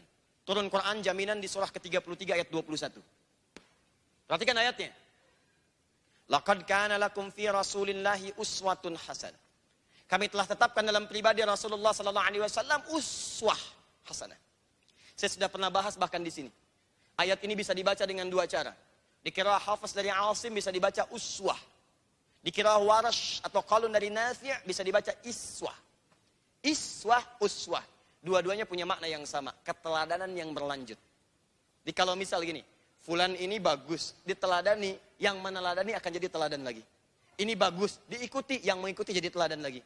Nabi Muhammad itu punya sifat uswah, yang kalau diikuti, setiap yang mengikuti akan jadi teladan di zamannya. Nabi meninggal, Abu Bakar hidup, Abu Bakar jadi teladan. Abu Bakar meninggal, muncul tabiin, tabiin jadi teladan. Ini meninggal, tabiin, tabiin jadi teladan. Sekarang silahkan cek, semua yang mengikuti jejak Nabi jadi teladan dalam kehidupannya. Teman-teman pengusaha, ikuti jejak pengusaha yang meneladani Nabi, Anda jadi bintang dalam usaha Anda. Ibu-ibu rumah tangga, ikuti semua istri Nabi yang pernah meneladani Nabi. Keluarkan hadis-hadis tentang rumah tangga. Baca kemudian hadis-hadis itu. Ikuti oleh Nabi. Demi Allah saya katakan, ibu ikuti, ibu jadi teladan dalam kehidupan rumah tangga. Cek teman-teman, indah, itu uswah. Bahkan Anda mengikuti yang kecil pun yang sederhana itu iswah. I dengan U. Kalau U harakatnya dhammah. U dhammah. Dhammah itu banyak terkumpul. Harokatnya rofa, tinggi, di atas, tinggi. Jadi iu, u menunjukkan yang tinggi-tinggi. I harokatnya di bawah. Di bawah disebut dengan khafat, khafat itu rendah. Harokatnya disebut dengan kasrah. Kasrah itu yang terpecah. I pecah, jadi kecil. Kecil. Kecil menunjukkan sederhana. Kecil menunjukkan kelembutan. Jangankan yang tinggi-tinggi, Anda ikuti yang kecil-kecil dari Nabi, Anda jadi teladan dalam kehidupan. Menyapa itu sederhana, tapi bagaimana cara menyapa Nabi? Lihat wajahnya, berikan senyuman, pegang tangannya, tanya kabarnya, kemudian berikan salam kepadanya. Indah. Begitu Anda praktekkan jadi teladan Anda. Muhammad SAW berbalik dengan seluruh badannya. Dikeluarkan senyuman, dijabat tangannya, ditanya kenapa yang bisa dibantu. Anda praktekkan itu, Anda jadi teladan. Nah itu indah. Jadi kalau Anda belajar tentang huruf-huruf Quran, itu semua ada maknanya. Kasrah, kemudian dhamma, itu indah. I. Dan itu melekat pada kehidupan kita. Fathah, kalau di ilmu nahu, kemudian diambil, kemudian di uh, di filologisnya diterapkan dalam dunia akhlak, disematkan pada laki-laki. A lekat dengan laki-laki. I lekat dengan perempuan. Makanya harakat perempuan itu lembut cenderung kasrah. I ya bahasanya lebih lembut. Ya, kemudian kalau dia bicara juga lembut, makanya cenderung kasrah. Laki-laki anta, a, perempuan i, anti. I, lembut. I, i, i. Anda pulang dari sini masih gelap kan? Tiba-tiba sendirian ada suara di atas. I, gitu ya. Nah, anda nggak usah lari, tunjuk. Kasrah ya. eh, fathah. Uh, doma. Habis itu, lari.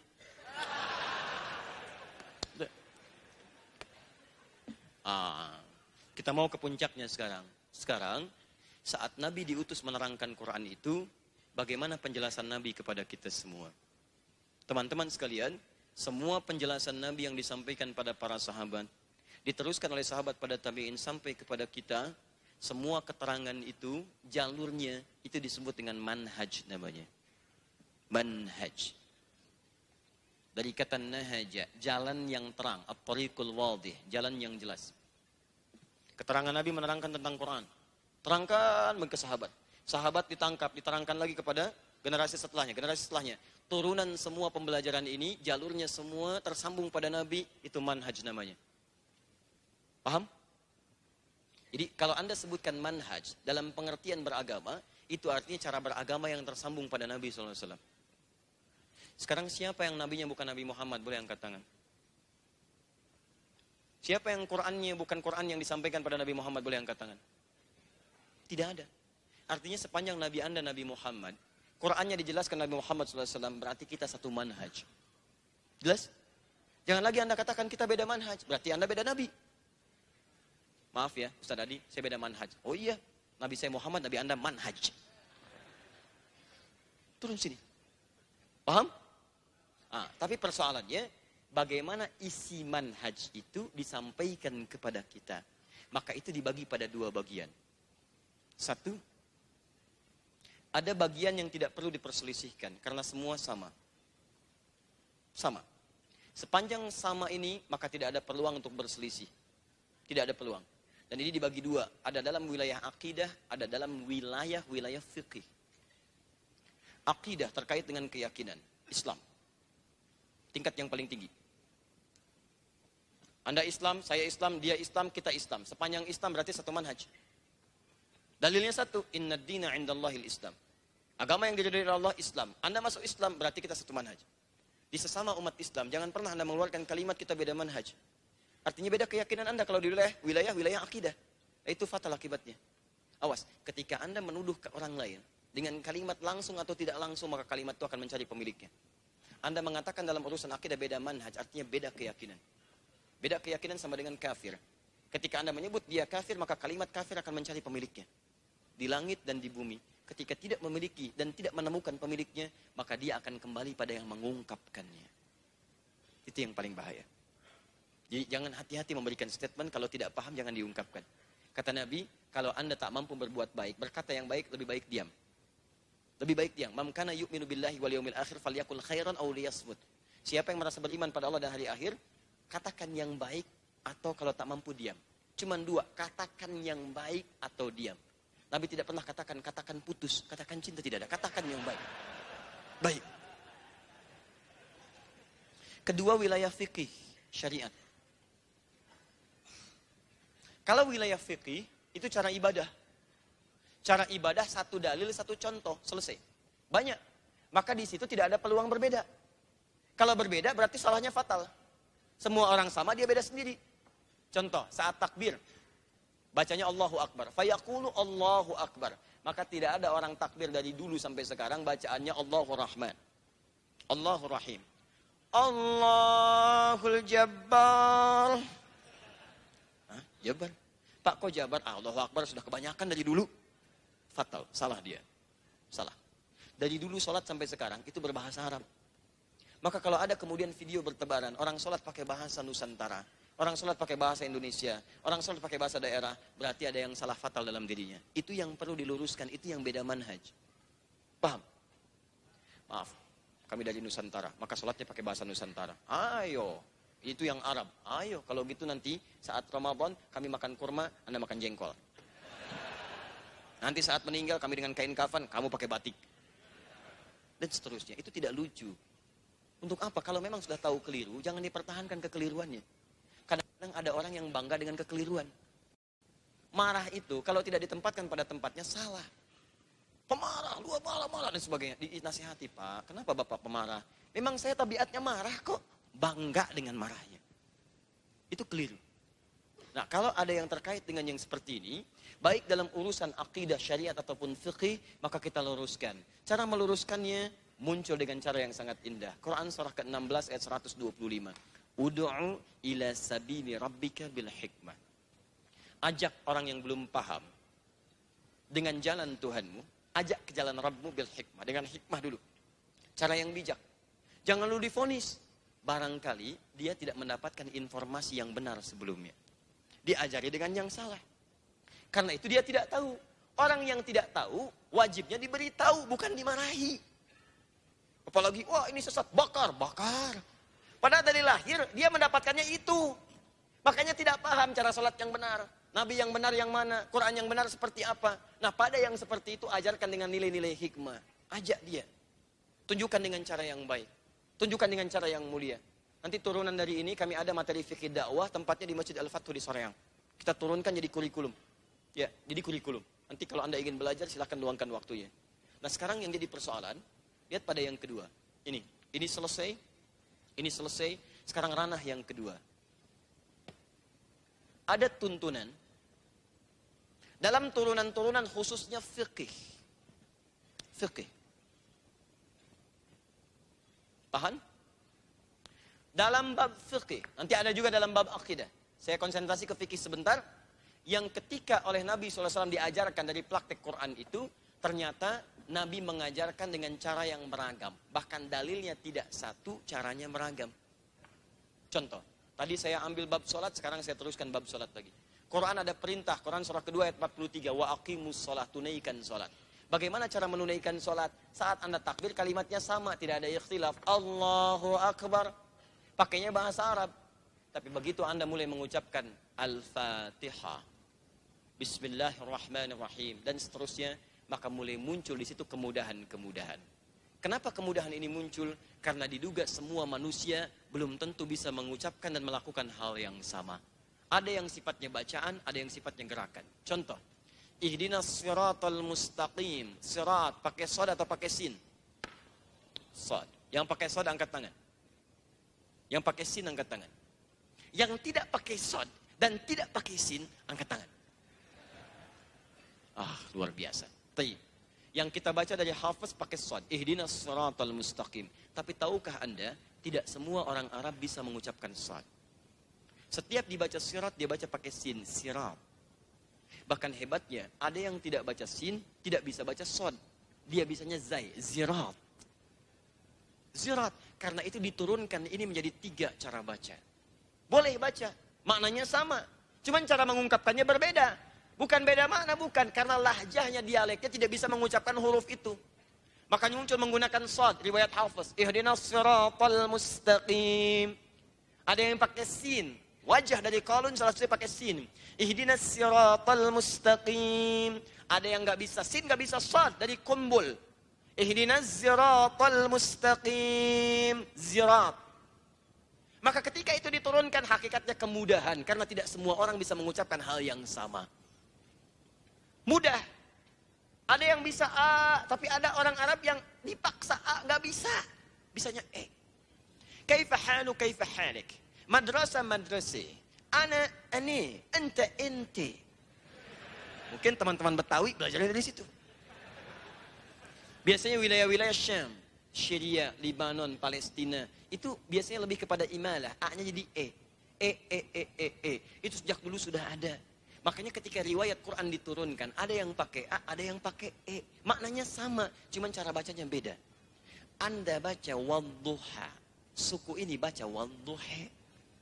Wadduha wallayli idha saja. Ada yang nggak bisa baca A, dipaksa-paksa. Sampai kiamat kurang dua hari nggak bisa dia. E terus. Makanya turun riwayat. Riwayat menggunakan imalah. Diteruskan kemudian oleh Hamzah. Punya dua murid namanya Khalad dan Khalaf. والضحى والليل إذا سجى ما ودعك ربك وما قلى وللآخرة خير لك من الأولى ولسوف يعطيك ربك فترضي Antum senyum. Saya pernah baca wadduha di daerah E cekikikan dia.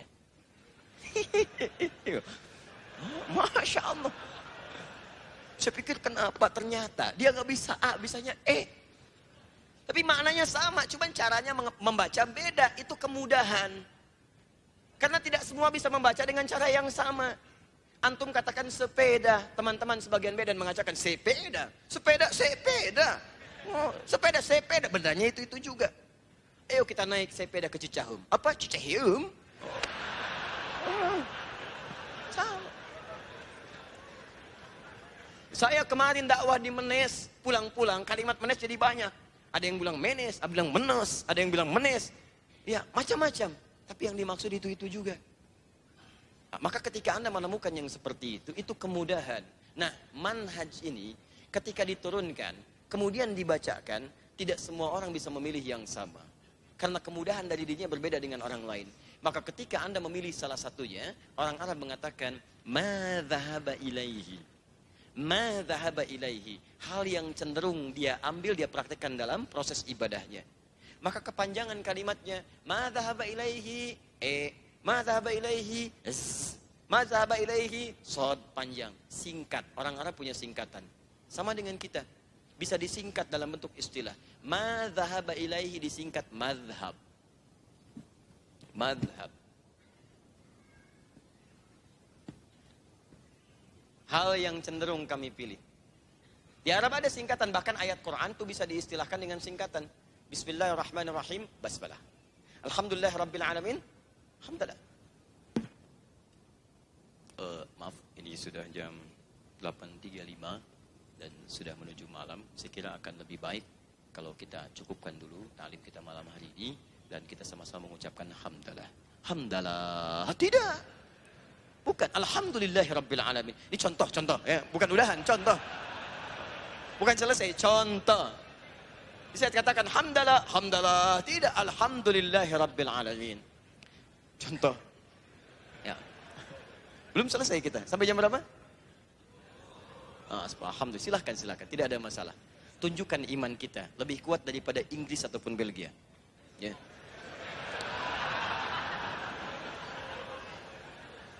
Sudah, meninggalkan majelis taklim tidak akan merubah status mereka. Mereka itu sudah jelas kalau tidak juara tiga, juara empat, sudah selesai. Tapi tunjukkan pada mereka, kami juara surga. Dan tidak cukup dengan amin, kita teruskan dulu. Oh, madhab. Ya. Jadi kalau disebutkan madhab, madhab itu bukan kelompok. Ya. Maka kemudian turun setelahnya, ada orang baca, milih, madhab A, madhab B, madhab C. Itu kemudahan, kemudahan yang dipilih para imam-imam yang menghimpun petunjuk Nabi itu, mereka tahu ini, oh ini maksudnya begini, ini pilihan begini, begini, begini. Tapi mereka harus memilih salah satu untuk dipraktekkan. Maka muncullah istilah madhab Hanafi, pilihan Imam Abu Hanifah. Madhab Maliki, pilihan Imam Malik. Madhab Syafi'i, pilihan Imam Ash-Syafi'i. Madhab Hambali, pilihan Imam Ahmad. Itu yang disebut kemudian dengan madhab. Asalnya bukan kelompok, gak ada kelompok Syafi'i. Kelompok Hanafi gak ada, itu pilihan untuk memudahkan. Jika Anda sepakat dengan kemudahan itu, ambil. Tidak sepakat, ambil yang lainnya. Itu yang disebut ambil baiknya, tinggalkan buruknya. Bahkan gak ada buruknya di situ. Karena yang disebut buruk itu pada hakikatnya ketidakmampuan mengerjakannya. Tapi ada alternatif yang baik yang lainnya. Contoh, Bismillahirrahmanirrahim ada empat cara dipraktekkan dalam sholat. Empat cara, empat madhab. Bisa dijaharkan. Bismillahirrahmanirrahim. Bisa disilentkan, sir. Bismillahirrahmanirrahim. Tapi kalau silent, sir, jangan ditempelin ke mic. Bismillahirrahmanirrahim. Itu sama dengan jahar. Kenapa nggak dikencengin sekaligus? Sudah kalau sir itu di dalam lisan kita tidak terdengar keluar bahkan diri kita pun kadang tidak mendengarnya. Alhamdulillahi rabbil alamin. Sir. Ada yang tidak dibaca sama sekali. Alhamdulillahi rabbil alamin. Ada yang dibaca di rakaat pertama jahar. Selanjutnya tidak dibaca sama sekali. Bismillahirrahmanirrahim. Rakaat kedua Alhamdulillahi Rabbil Alamin. Gak dibaca. Ada empat cara. Dan tahukah anda, empat cara ini 70 hadis dari Nabi SAW. Kapan Nabi baca ini, kapan Nabi baca sir, kapan Nabi nggak baca. Dan semua ulama sepakat, semua bacaan ini benar. Karena bersumber dari petunjuk Nabi. Jadi kalau baca satu di antara empat ini, itu satu manhaj. Satu manhaj, sekalipun pilihannya berbeda. Lihat, Asy-Syafi'i memilih jahar. Imam Ahmad memilih sir. Tayyib. Imam Malik, Imam Abu Hanifah memilih tidak baca sama sekali. Apa ada kemudian pernah komentar imam? Ya mengatakan misalnya Imam Syafi'i jahar. Kata Imam Malik, dia beda manhaj. Tidak ada. Biasa aja. Imam Syafi'i tahu empat-empatnya paham. Semua imam tahu. Cuman mereka dalam sholat mesti memilih satu. Karena mustahil mempraktekkan keempat-empatnya. Tidak Ustadz, saya Quran Sunnah milenial. Dan saya ingin mempraktekkan keempat-empatnya. Supaya pahalanya lebih banyak. Uh. Allahu Akbar. Bismillahirrahmanirrahim. Bismillahirrahmanirrahim. Tidak dibaca sama sekali. Oh, gak bisa. Apa itu? Mustahil. Ya, jangan katakan kalau ini baca, itu beda dengan Anda. Ini baca, ini beda manhaj. Itu namanya anak kurang pengetahuan dan mendebat orang yang punya pengetahuan dengan dasar tidak punya pengetahuan itu aneh. Itu aneh. Itu yang paling bahaya. Dan kami pernah jadi uh, bertugas di Mekah tahun 2010. Saya sering urai kisah ini. Begitu bertugas menerima jemaah haji pertama, ini karena kurang pengetahuan. Dipimpin oleh Syekh Sudes Isa pada saat itu.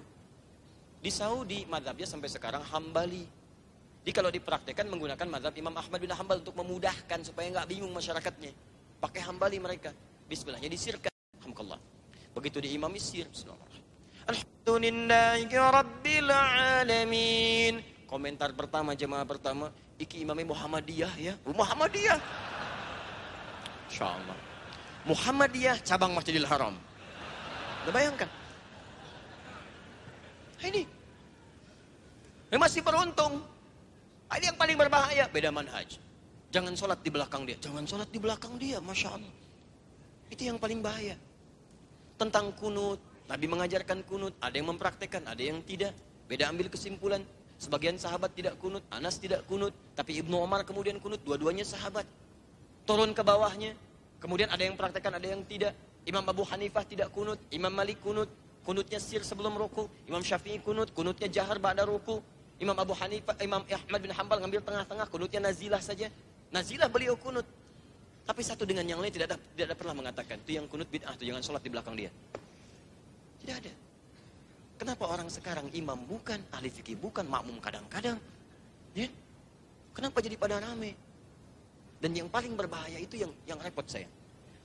Yang paling aneh itu ada kalimat-kalimat begini. Ustadz bagaimana kami sholat di belakang ahli bid'ah? Yang kunut. Bagaimana status kami? Kunut atau tidak? Ini aneh, bid'ah itu kan sesat. Tapi fatwanya keluar, ya kalau dia kunut, jangan kunut, antum diam saja. Anda diam saja. Mengambil makna kunut itu bid'ah. Kalau bid'ah sudah jelas sesat. Kulu bid'atin dolalah. Berarti Anda berimam, bermakmum di belakang orang sesat. Tapi yang paling aneh Anda katakan itu orang sesat, tapi Anda katakan boleh sholat di belakang dia. Itu kan lucu menurut saya. Tidak ada kaidah dalam fikih seperti itu. Yang satu salah persepsi menyebut orang ini sesat. Yang kedua boleh sholat di belakang orang sesat, tapi saat sesatnya jangan diikutin. Itu kan aneh itu. Dan yang paling lebih lucu lagi, Anda menyalahi kaidah sholat. Kata Nabi itu kan, Inna ilal imamu liyutamma bihi. Dijadikan imam untuk diikuti. Imam ruku, Anda ruku. Imam sujud, Anda sujud. Jangan imam ruku, Anda sujud. Salah. Imam kunut, Anda ikut kunut di belakang karena imamnya kunut. Kunut imam beda dengan makmum. Dalam hal lafadznya, imam mengatakan Allahumma hdina fiman hadait, Anda katakan amin. Dia mengatakan doanya, Anda mengaminkannya. Beliau berkunut, Anda mengaminkan kunutnya. Masalah Anda mengangkat tangan atau tidak itu perbedaan lain. Tapi Anda ikuti, jangan sampai imam kunut Anda tidak. Allahumma hdina fiman hadait, bid'ah. Wafina fiman hadait, belala. Ah, ah, rusak deh kehidupan. Ini apa? Dan saya nggak pernah mendengar yang seperti itu. Ini ini bukan kaidah namanya. Kalau imam tidak kunut, yang kunut pun, yang kunut ikut tidak kunut. Jangan terlampau soleh. Imam sudah salam, ini sujud sahwi. Ngapain? Jadi kalau anda bermakmum di belakang imam yang tidak kunut, anda nggak usah kunut. Jangan kunut sendirian. Ini imam sudah sujud begini aja gitu kan. Allahu Akbar, Allahumma dina fiman hadait. anda keliru. Sama aja dengan yang pertama tadi. Ya, sama aja. Nah karena itu teman-teman sekalian, tempatkan sesuatu pada tempatnya yang baik. Kadang-kadang suka salah persepsi juga. Bahasa hadis, Anda harus pelajari dulu bahasanya. Kadang-kadang ada bahasa begini, kadzab. Dalam bahasa standar normal, kadzab itu dusta. Kadzib dusta. Kadzab terus-terusan berdusta. Tapi Anda mesti tahu di bahasa dialek mana itu disebutkan. Bagi orang Hijaz, kalimat kadzib itu artinya khata, salah. Tiba-tiba Anda katakan dusta. Tuh dusta tuh. Yang melibatkan di sini dusta kuntu bid'ah. Pengertian bid'ah menurut sahabat dalam persepsi ilmu hadis Anda perlu belajar lagi. Alhamdulillah. Teman-teman sekalian, ingat baik-baik. Lihat prinsip ini ya. Sahabat itu akan mengamalkan apa yang disaksikan oleh mereka langsung dari Nabi jika mereka menyaksikan. Perkara sahabat lain menyaksikan berbeda, itu dihormati oleh mereka, tapi mereka tetap akan mengamalkan apa yang dilihatnya. Contoh, Wa'il melihat Nabi sholat, turun pakai lutut dulu. Abu Hurairah melihat Nabi sholat turun menggunakan telapak tangan dulu. Mereka paham dua-duanya. Bahwa keduanya benar dicontohkan oleh Nabi. Tapi Abu Hurairah tidak akan merubah menggunakan telapak tangan karena itu yang dilihat dari Nabi langsung. Wa'il melihat dari Nabi langsung tidak akan dirubah oleh mereka. Makanya ketika ada orang mengatakan, bertanya, Ya abati, duhai ayah, saya melihat sekelompok mereka melakukan kunut dalam subuhnya, bagaimana pendapat ayah? Bid'ah. Maksud bid'ah di situ bukan menyalahkan orang kunut, tapi maksudnya saya tidak pernah menyaksikannya saat saya bersama Nabi. Saya jaga amalan saya seperti saya lihat dari Nabi. Mungkin mereka melihat yang berbeda, tapi saya takut karena yang saya lihat tuh yang ini. Sekarang pertanyaan saya, apakah semua saat Nabi menyampaikan tausiahnya, semua sahabat ada di situ? Belum tentu. Nabi di Madinah, yang di Madinah melihat Nabi, yang di Badar tidak. Nabi ke Uhud, yang di Uhud melihat Nabi, yang di Badar tidak. Mustahil Nabi ke Badar, semua orang Madinah ke Badar, kosong Madinah. Mustahil. Makanya kadang-kadang ada ayat turun di tempat ini yang ini belum mengetahui. Ada hadis disampaikan di sini yang ini belum paham. Nah, yang melihat di sini itu akan mengamalkan apa yang dilihat. Yang dilihat di sini itu mengamalkan apa yang dilihat. Makanya dalam kasus kunut ada yang mengatakan bid'ah bukan bid'ah maksudnya. Kemudian, maaf menilai bahwa perbuatan itu menyimpang dari ketentuan agama bukan. Maksud dalam hadis ini adalah saya tidak pernah melihat itu sejak saya sholat di belakang Nabi. Makanya kalimat turunannya di hadis An-Nasai, saya sholat di belakang Abu Bakar, saya sholat di belakang Umar, saya sholat di belakang kemudian Uthman, saya sholat di belakang Ali. Sebelumnya sholat di belakang Nabi, tapi mereka tidak pernah berkunut. Karena engkau sholat di belakang mereka semua itu saat mereka tidak kunut. Tapi tahukah anda saat mereka sholat di tempat lain, ada orang yang bermakmum di belakangnya mereka kunut? Itu masalahnya. Jadi disimpulkan oleh para ulama, apa anda mau mengatakan Imam Syafi'i bid'ah? Wah kan imam itu manusia, bisa aja salah. Kalau Imam Syafi'i salah, guru Anda salah. Saya lebih baik memilih Imam Syafi'i daripada guru Anda. Karena diketahui peluang salahnya lebih kecil dibandingkan dengan Anda sekarang. Itu poinnya, siapa yang lebih dekat kepada Nabi SAW? Syafi'i itu salaf. Salaf, salaf itu orang yang hidup di kisaran abad kedua hijrah. Batasnya 200 tahun hijrah. Ini salaf namanya. Di atas ini khalaf. Khalaf. Pengikut ini disebut dengan salafi. Imam Ash-Syafi'i lahir 150 hijrah, berarti salaf. Imam Abu Hanifah wafat 150 hijrah, salaf. Maaf, Imam Malik lahir 93 hijrah, salaf. Imam Ahmad lahir 163 hijrah, salaf. Anda lahir berapa hijrah? Berarti Anda bukan salaf. Nah ketika Anda mengikuti ini semua, maka ini disebut dengan salafi. Saya kadang mau senyum lagi. Ustadz Adi itu bukan Ustadz Salaf ya, emang betul. Saya Ustadz Kholaf. Karena Ustadz Salaf itu Ustadz yang lahir di kisaran tahun 200 Hijrah. Kalau saya disebut Ustadz Salaf berarti saya Ustadz yang diawetkan sampai sekarang. Yang salah. Saya kholaf, kholaf banget. Tapi semua kita yang belajar dari turunan para imam-imam ini, itu yang disebut dengan salafi. Di salafi itu asalnya bukan kelompok. Anda kalau memahami salafi kelompok, berarti Anda gagal paham. Anda keliru di situ. Coba renungkan. Maaf ya, maaf sekali lagi. Pintar itu anugerah, bodoh itu pilihan. Tolong renungkan baik-baik. Renungkan baik-baik. Salafi itu bukan kelompok. Salafi itu adalah orang-orang yang berusaha mengikuti tuntunan sampai kepada Nabi SAW. Jadi orang yang ikut lewat Imam Syafi'i, Salafi. Orang yang ikut lewat Imam Abu Hanifah, Salafi. Semuanya Salafi.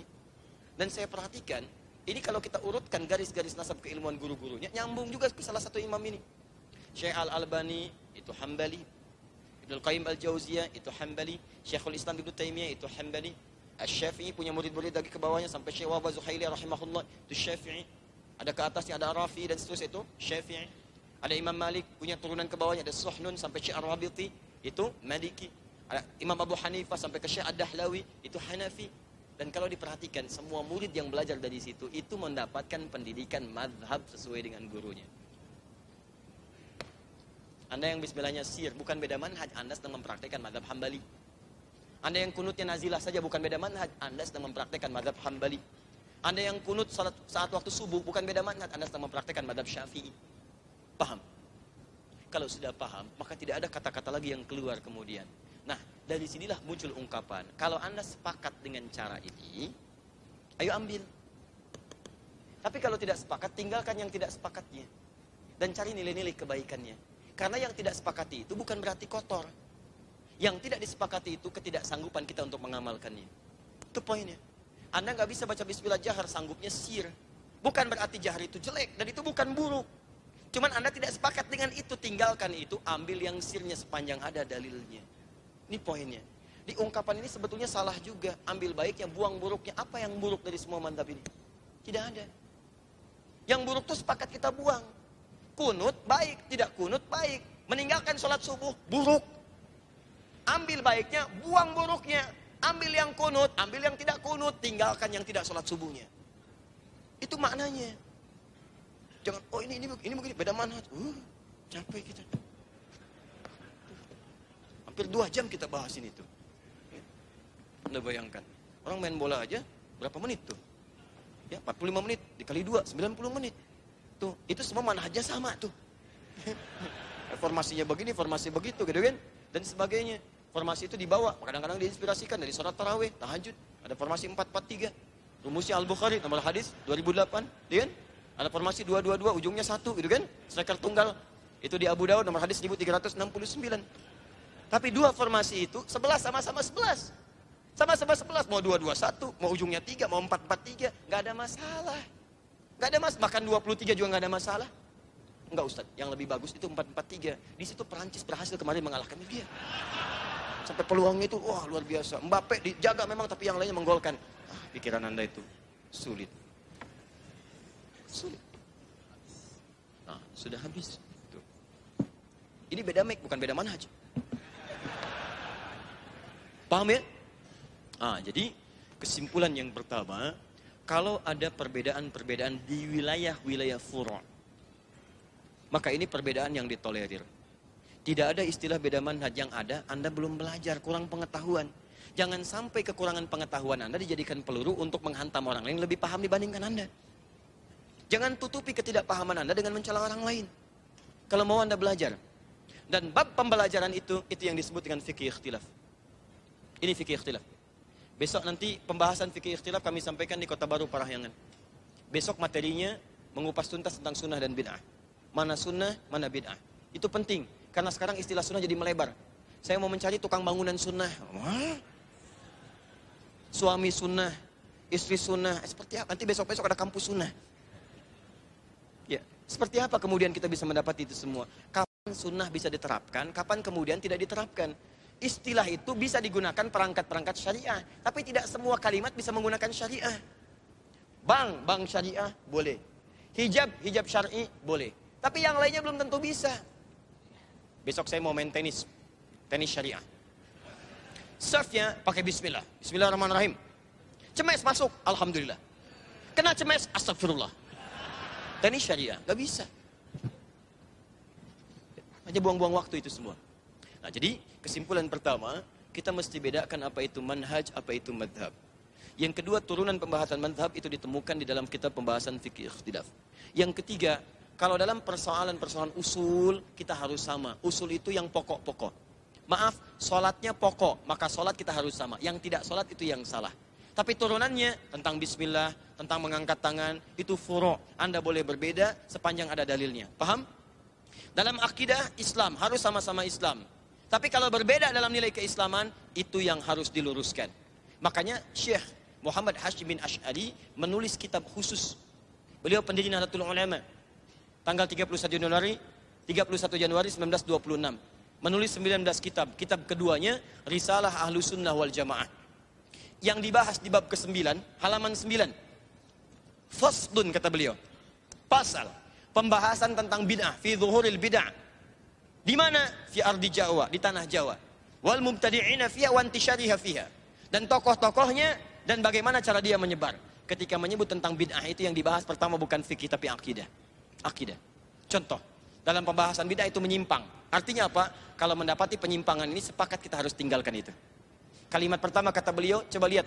Salah satunya di halaman yang ke-10-nya, paling kanan sebelah bawah.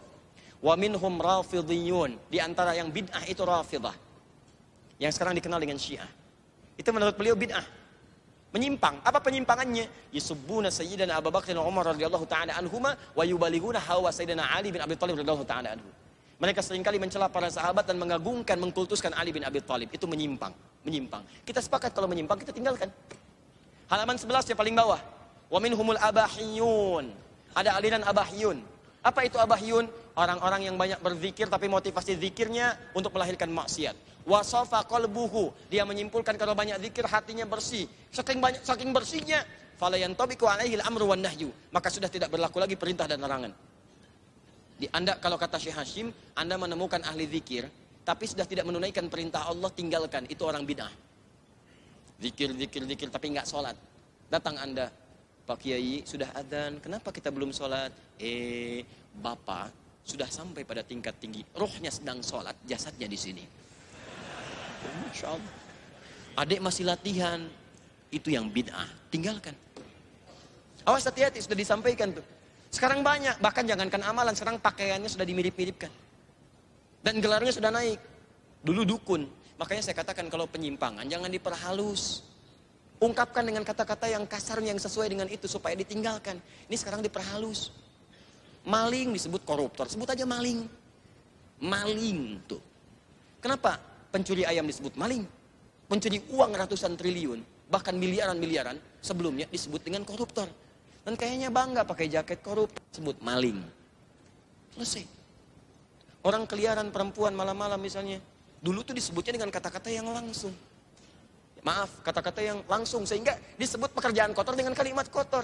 Eh diperhalus, kupu-kupu malam. Mau ke mana mas? Cari kupu-kupu. Oh, kupu. Tuh. Cari kata-kata langsung sehingga ditinggalkan. Tinggalkan. Nah hal-hal yang demikian yang harus kita jauhi. Makanya yang penyimpangan-penyimpangan, dukun-dukun, jangan diperhalus. Paranormal, dukun. Liga paranormal, liga dukun. Tinggalkan. Sudah, untuk apa bikin yang seperti ada mas, ah, gak ada maslahatnya. Gak ada maslahatnya, semua bikin dukun. Selesai. Sesat, menyimpang. Saya katakan sesat menyimpang. Mau pakaiin apa pun, mau gelarnya apa pun. Sekarang gelarnya dimirip-miripin. Kiai, kiai juga. Syekh. Kiai pakai sorban, dia pakai sorban. Kiai pakai jubah, dia pakai jubah. Jubah dia lebih tinggi dibandingkan Batman. Bawa. Semua dipakai atributnya. Ntar besok-besok kiai pakai helm, dia pakai juga. Sama. Itu yang bahaya. Coba lihat, kalau sepakat kita ada penyimpangan, jauhi itu semua, tinggalkan. Dan doakan supaya mereka kembali pada kebaikan. Kalau ada di televisi, jangan tonton, supaya ratingnya turun, matikan. Jauhi, jauhi. Bahkan bikin, kemudian maaf, masukan, masukan. Semua. Semua bikin petisi. Kami tidak menyukai itu. Itu acara menyesatkan. Itu acara tidak mendidik. Sampai kemudian ratingnya turun ancur dan hilang itu dari dari tayangan-tayangan kita. Itu yang harus kita lakukan. Yang baik-baik yang membangun kehidupan bangsa, mencerdaskan macam-macam. Ayo naikkan itu semua. Kita kehilangan itu. Dulu TPI, televisi pendidikan Indonesia. Dulu ada pelajaran fisika, ada cerdas cermat, ada macam-macam. Zaman Pak Harto dulu ada wah cerdas cermat antar petani dan sebagainya. Itu ke mana sekarang gitu? Kalau Anda tidak menghilangkan yang buruk-buruknya, mempertahankan itu semua, maka itu semua akan muncul menjadikan syubhat dalam kehidupan. Itu yang harus dibuang. Nah sekarang saya bacakan fatwa MUI-nya Saudi, Lajnah Daimah ini langsung ada fatwanya, saya bisa bahkan sampaikan kepada Anda kalau Anda ingin melihatnya secara langsung. Ini saya bacakan supaya tidak ada kesan keliru dan mengarang-arang di dalamnya. Bismillah. Ini sering saya katakan tentang pertama, tentang aliran-aliran dulu. Firqah dalam akidah. Ya. Dan turunannya pasti ke madhab. Mohon maaf. Ada yang bertanya bagaimana dengan jamaah tablik. Ada yang bertanya bagaimana dengan ikhwanul muslimin. Ada yang bertanya tentang ini dan itu. Sekarang kita lihat bagaimana fatwa. Lajnah daimah langsung dari Saudi Arabia. Pimpinan Syekh bin Baz pada saat itu. Saya bacakan fatwanya. Bismillahirrahmanirrahim. As-su'alul awal min fatwa rakam 6,250. Perhatikan kalimatnya, fatwa. Nomor per, pertanyaan pertama dari fatwa nomor 6250. Ini langsung kami ambil dari kumpulan fatwanya. Dan ini bisa Anda download juga. Fil alamil islamil yaum iddatu firaqin wa turuqis sufiyya mathalan hunaka jama'atu tabligh al-ikhwan al-muslimin as-sunniyin asy-syi'ah fama hiya al-jama'ah allati tutabbiqu kitab Allah wa sunnat Rasulillah sallallahu alaihi wasallam di era kita sekarang itu banyak sekali aliran-aliran bahkan ada kelompok-kelompok sufi ya ada di antara mereka yang disebut dengan jamaah tabligh ada ikhwanul muslimin ada ahli sunni ada sunni ada syiah dan yang lainnya Mana mana di antara mereka yang menerapkan Al-Quran, Kitabullah dan Sunnah Rasulullah SAW? Perhatikan jawabannya. Anda lihat baik-baik ya. Jawab akrabul jama'at al-islamiyah ila al-haqqi wa akhrisuha ala tatbiqihi ahlus sunnah. Jamaah yang paling benar, yang menerapkan nilai Al-Quran dan sunnah-sunnah Nabi SAW, yang paling mendekati kebenaran adalah ahlus sunnah. Siapa mereka? Belum selesai. Belum selesai. Wahum ahlul hadith. Wa jama'atu sunnah. Dan mereka itu di antaranya adalah orang-orang yang mendekat kepada hadis ahlul hadis. Jemaah itu ansarus sunnah, orang-orang yang senang mempraktekkan sunnah. Ya makannya sesuai sunnah, minumnya sesuai sunnah dan sebagainya. Diikuti itu lebih dekat. Belum selesai. Thummal ikhwanul muslimun. Kemudian ikhwanul muslimin. IM. Coba lihat, ini fatwanya sendiri keluar. Ikhwanul muslimun. Kemudian teruskan. Wabil jumlah dan kesimpulannya Fakulu firqatin min haula'i wa ghairihim fiha khata' wa sawab. Tapi Anda mesti ketahui, setiap kelompok ini punya kelebihan dan kekurangan. Ada yang ngajak-ngajak ke masjid, ayo ketok-ketok pintu, itu kelebihannya. Walaupun mungkin di antara itu ada kekurangan-kekurangan. Mungkin dalam kitab kajiannya belum dalam, belum macam-macam. Maka itu kemudian apa yang terjadi? Kita lihat nanti. Ada yang merasakan rajin kajian Qurannya, kajian-kajian sunnahnya, tapi pendalaman kitabnya belum masuk. Kaidah-kaidahnya belum benar, ada. Ada yang rajin liko-liko pertemuan-pertemuan dan sebagainya, tapi mungkin baru membahas yang standar-standar. Ada. Semua orang kata fatwa ini punya kelebihan tapi juga mungkin ada kekurangan. Tapi yang hebat, lihat kaidahnya. Tayyib. Fa'alaika bitta'awun fima indaha minas sawab wajtinaba ma waqa'at fihi min akhta' ma'a at-tanasuh wa ta'awun alal birri wat taqwa. Allahu akbar. Walaupun mereka berbeda-beda dengan aliran yang engkau kemudian ikuti, tapi kamu wajib untuk bekerja sama dengan mereka. Lihat, at-ta'awun fa'alaika bit-ta'awun alaika ala itu menghadirkan kemestian. Maka bekerja samalah dengan mereka. Jadi, fima indaha minas sawab. Kalau memang ada yang baik-baiknya, bekerja sama. Sama-sama bahas Quran, jangan dilihat. Mau ini jamaah tablik, mau ini A, B, C, mau salafi, mau ikhwani, mau macam-macam. Bahas Quran, kerjasama karena Quran disepakati dengan baik. Di sepanjang ada ustadz yang ngajarkan Quran, jangan antum lihat. Ini ustadz mana? Jamaah tablik. Ah, bid'ah. Oh, anda yang bid'ah. Kalau yang mengajarkan hal yang sama, hal yang dibenarkan kata fatwa ini, ambil. Kalau memang itu ada manfaatnya. Tapi kalau kemudian di situ ada hal-hal kekurangannya, ini yang paling hebat. Maka bersaling nasihatilah dalam nilai-nilai kebaikan. Ini kalau disingkat dengan baik, ambil yang baiknya yang disepakati, tinggalkan yang tidak disepakati dengan cara dakwah yang baik. Jadi Madis Fatwa di Saudi saja mengeluarkan kalimat-kalimat seperti ini. Kenapa Anda yang bukan mufti tiba-tiba mengeluarkan kalimat-kalimat yang tidak sejalan dengan pemikiran itu? Jadi saya sampaikan dari tadi, Qurannya menyampaikan benar. Hadisnya benar. Ulamanya benar. Sampai fatwanya benar. Tiba-tiba keluar kalimat Anda dengan pengertian yang salah. Kira-kira yang tidak tepat yang mana? Di sini masih ada tanda tangannya, masih ada. Kalau saya bacakan keluar kemudian muftinya, raisnya siapa dan sebagainya. Saya bacakan. Bismillah. Taib, jazakumullah khair. Yuk, saya bacakan siapa di antara mereka yang tanda tangannya. Nih. Taib, Lajnah Daimah lil Buhuth Islamiyah wal Ifta. Ya. Ini lembaga untuk kajian-kajian ilmiah dan pemberian fatwa. Ini anggota-anggotanya, si Abdullah bin Qa'ud, kemudian si Abdullah bin Ghadian, si Abdul Razak Afifi, ketuanya Syekh Abdul Aziz bin Abdullah bin Baz, dikenal dengan Syekh bin Baz, ulama yang sangat dihormati. Yang saya sayangkan Anda sering mengutip fatwa Syekh bin Baz, tapi juga sering mengingkari apa yang telah ditetapkan oleh beliau. Kenapa Anda bisa mengambil hal yang Anda inginkan sesuai dengan hawa Anda saja sementara meninggalkan hal yang tidak sesuai dengan kelompok Anda? Itu yang berbahaya. Ingat ya?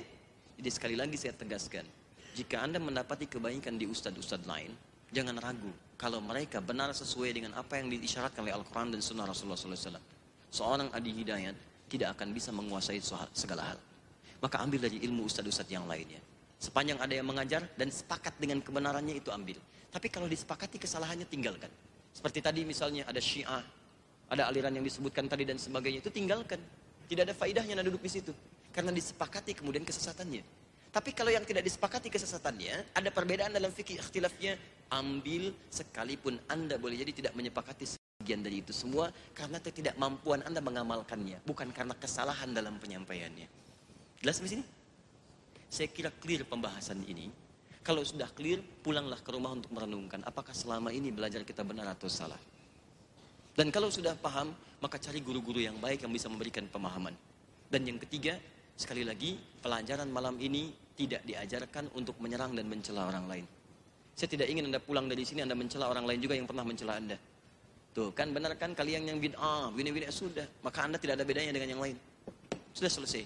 Ini hanya disampaikan supaya kita paham. Yang lainnya itu pilihan. Anda bisa memilih. Kalau Anda tidak mampu berlomba dengan orang soleh meningkatkan kebaikan, maka berlombalah dengan para pendosa untuk beristighfar dan bertobat di hadapan Allah Subhanahu wa taala. Ini yang kami sampaikan pada malam hari ini. Saya ingin cek sebelum kita berpisah. Paham insya Allah? Jelas suraiannya? Alhamdulillah.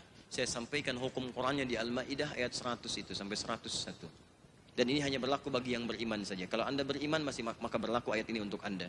Ya ayyuhalladzina amanu la tas'alu an asya'a in tubdalakum tasukum.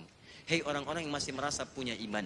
Kalau uraian sudah jelas disampaikan, maka jangan banyak ditanyakan. Karena banyaknya pertanyaan itu akan menjadikan yang jelas semakin tidak jelas nantinya. Jelas uraiannya? Paham? Ada pertanyaan? Ayo. Ah, tidak. Alhamdulillah. Baik. Maka saya kira saya cukupkan dulu itu semua. Besok kami ada sesi terakhir di Kota Baru Parahyangan. Mudah-mudahan Allah berikan kemuliaan pada kita semua. Dan teman-teman sekalian, kami izin menyampaikan informasi. Yang pertama, eh, berita gembira Allah berikan nikmat pada kita semua insya Allah teman-teman sekalian, kami telah titipkan kurma. Dan itu akan disampaikan kepada eh, insya Allah di antara teman-teman yang bisa menerimanya. Kami titipkan bahkan di Salman ini. Nanti semua yang teraliasi dan terafiliasi pada kajian satu saf dan saf muslimah, insya Allah setiap majlis taklim akan mendapatkan dua box masing-masing. Satu box dan satu dus itu ada kisaran 20 kurma, 20 pack. Satu packnya mungkin ada 50 kurma di dalamnya yang telah divakumkan. Jadi nanti insya Allah yang termasuk dalam satu soft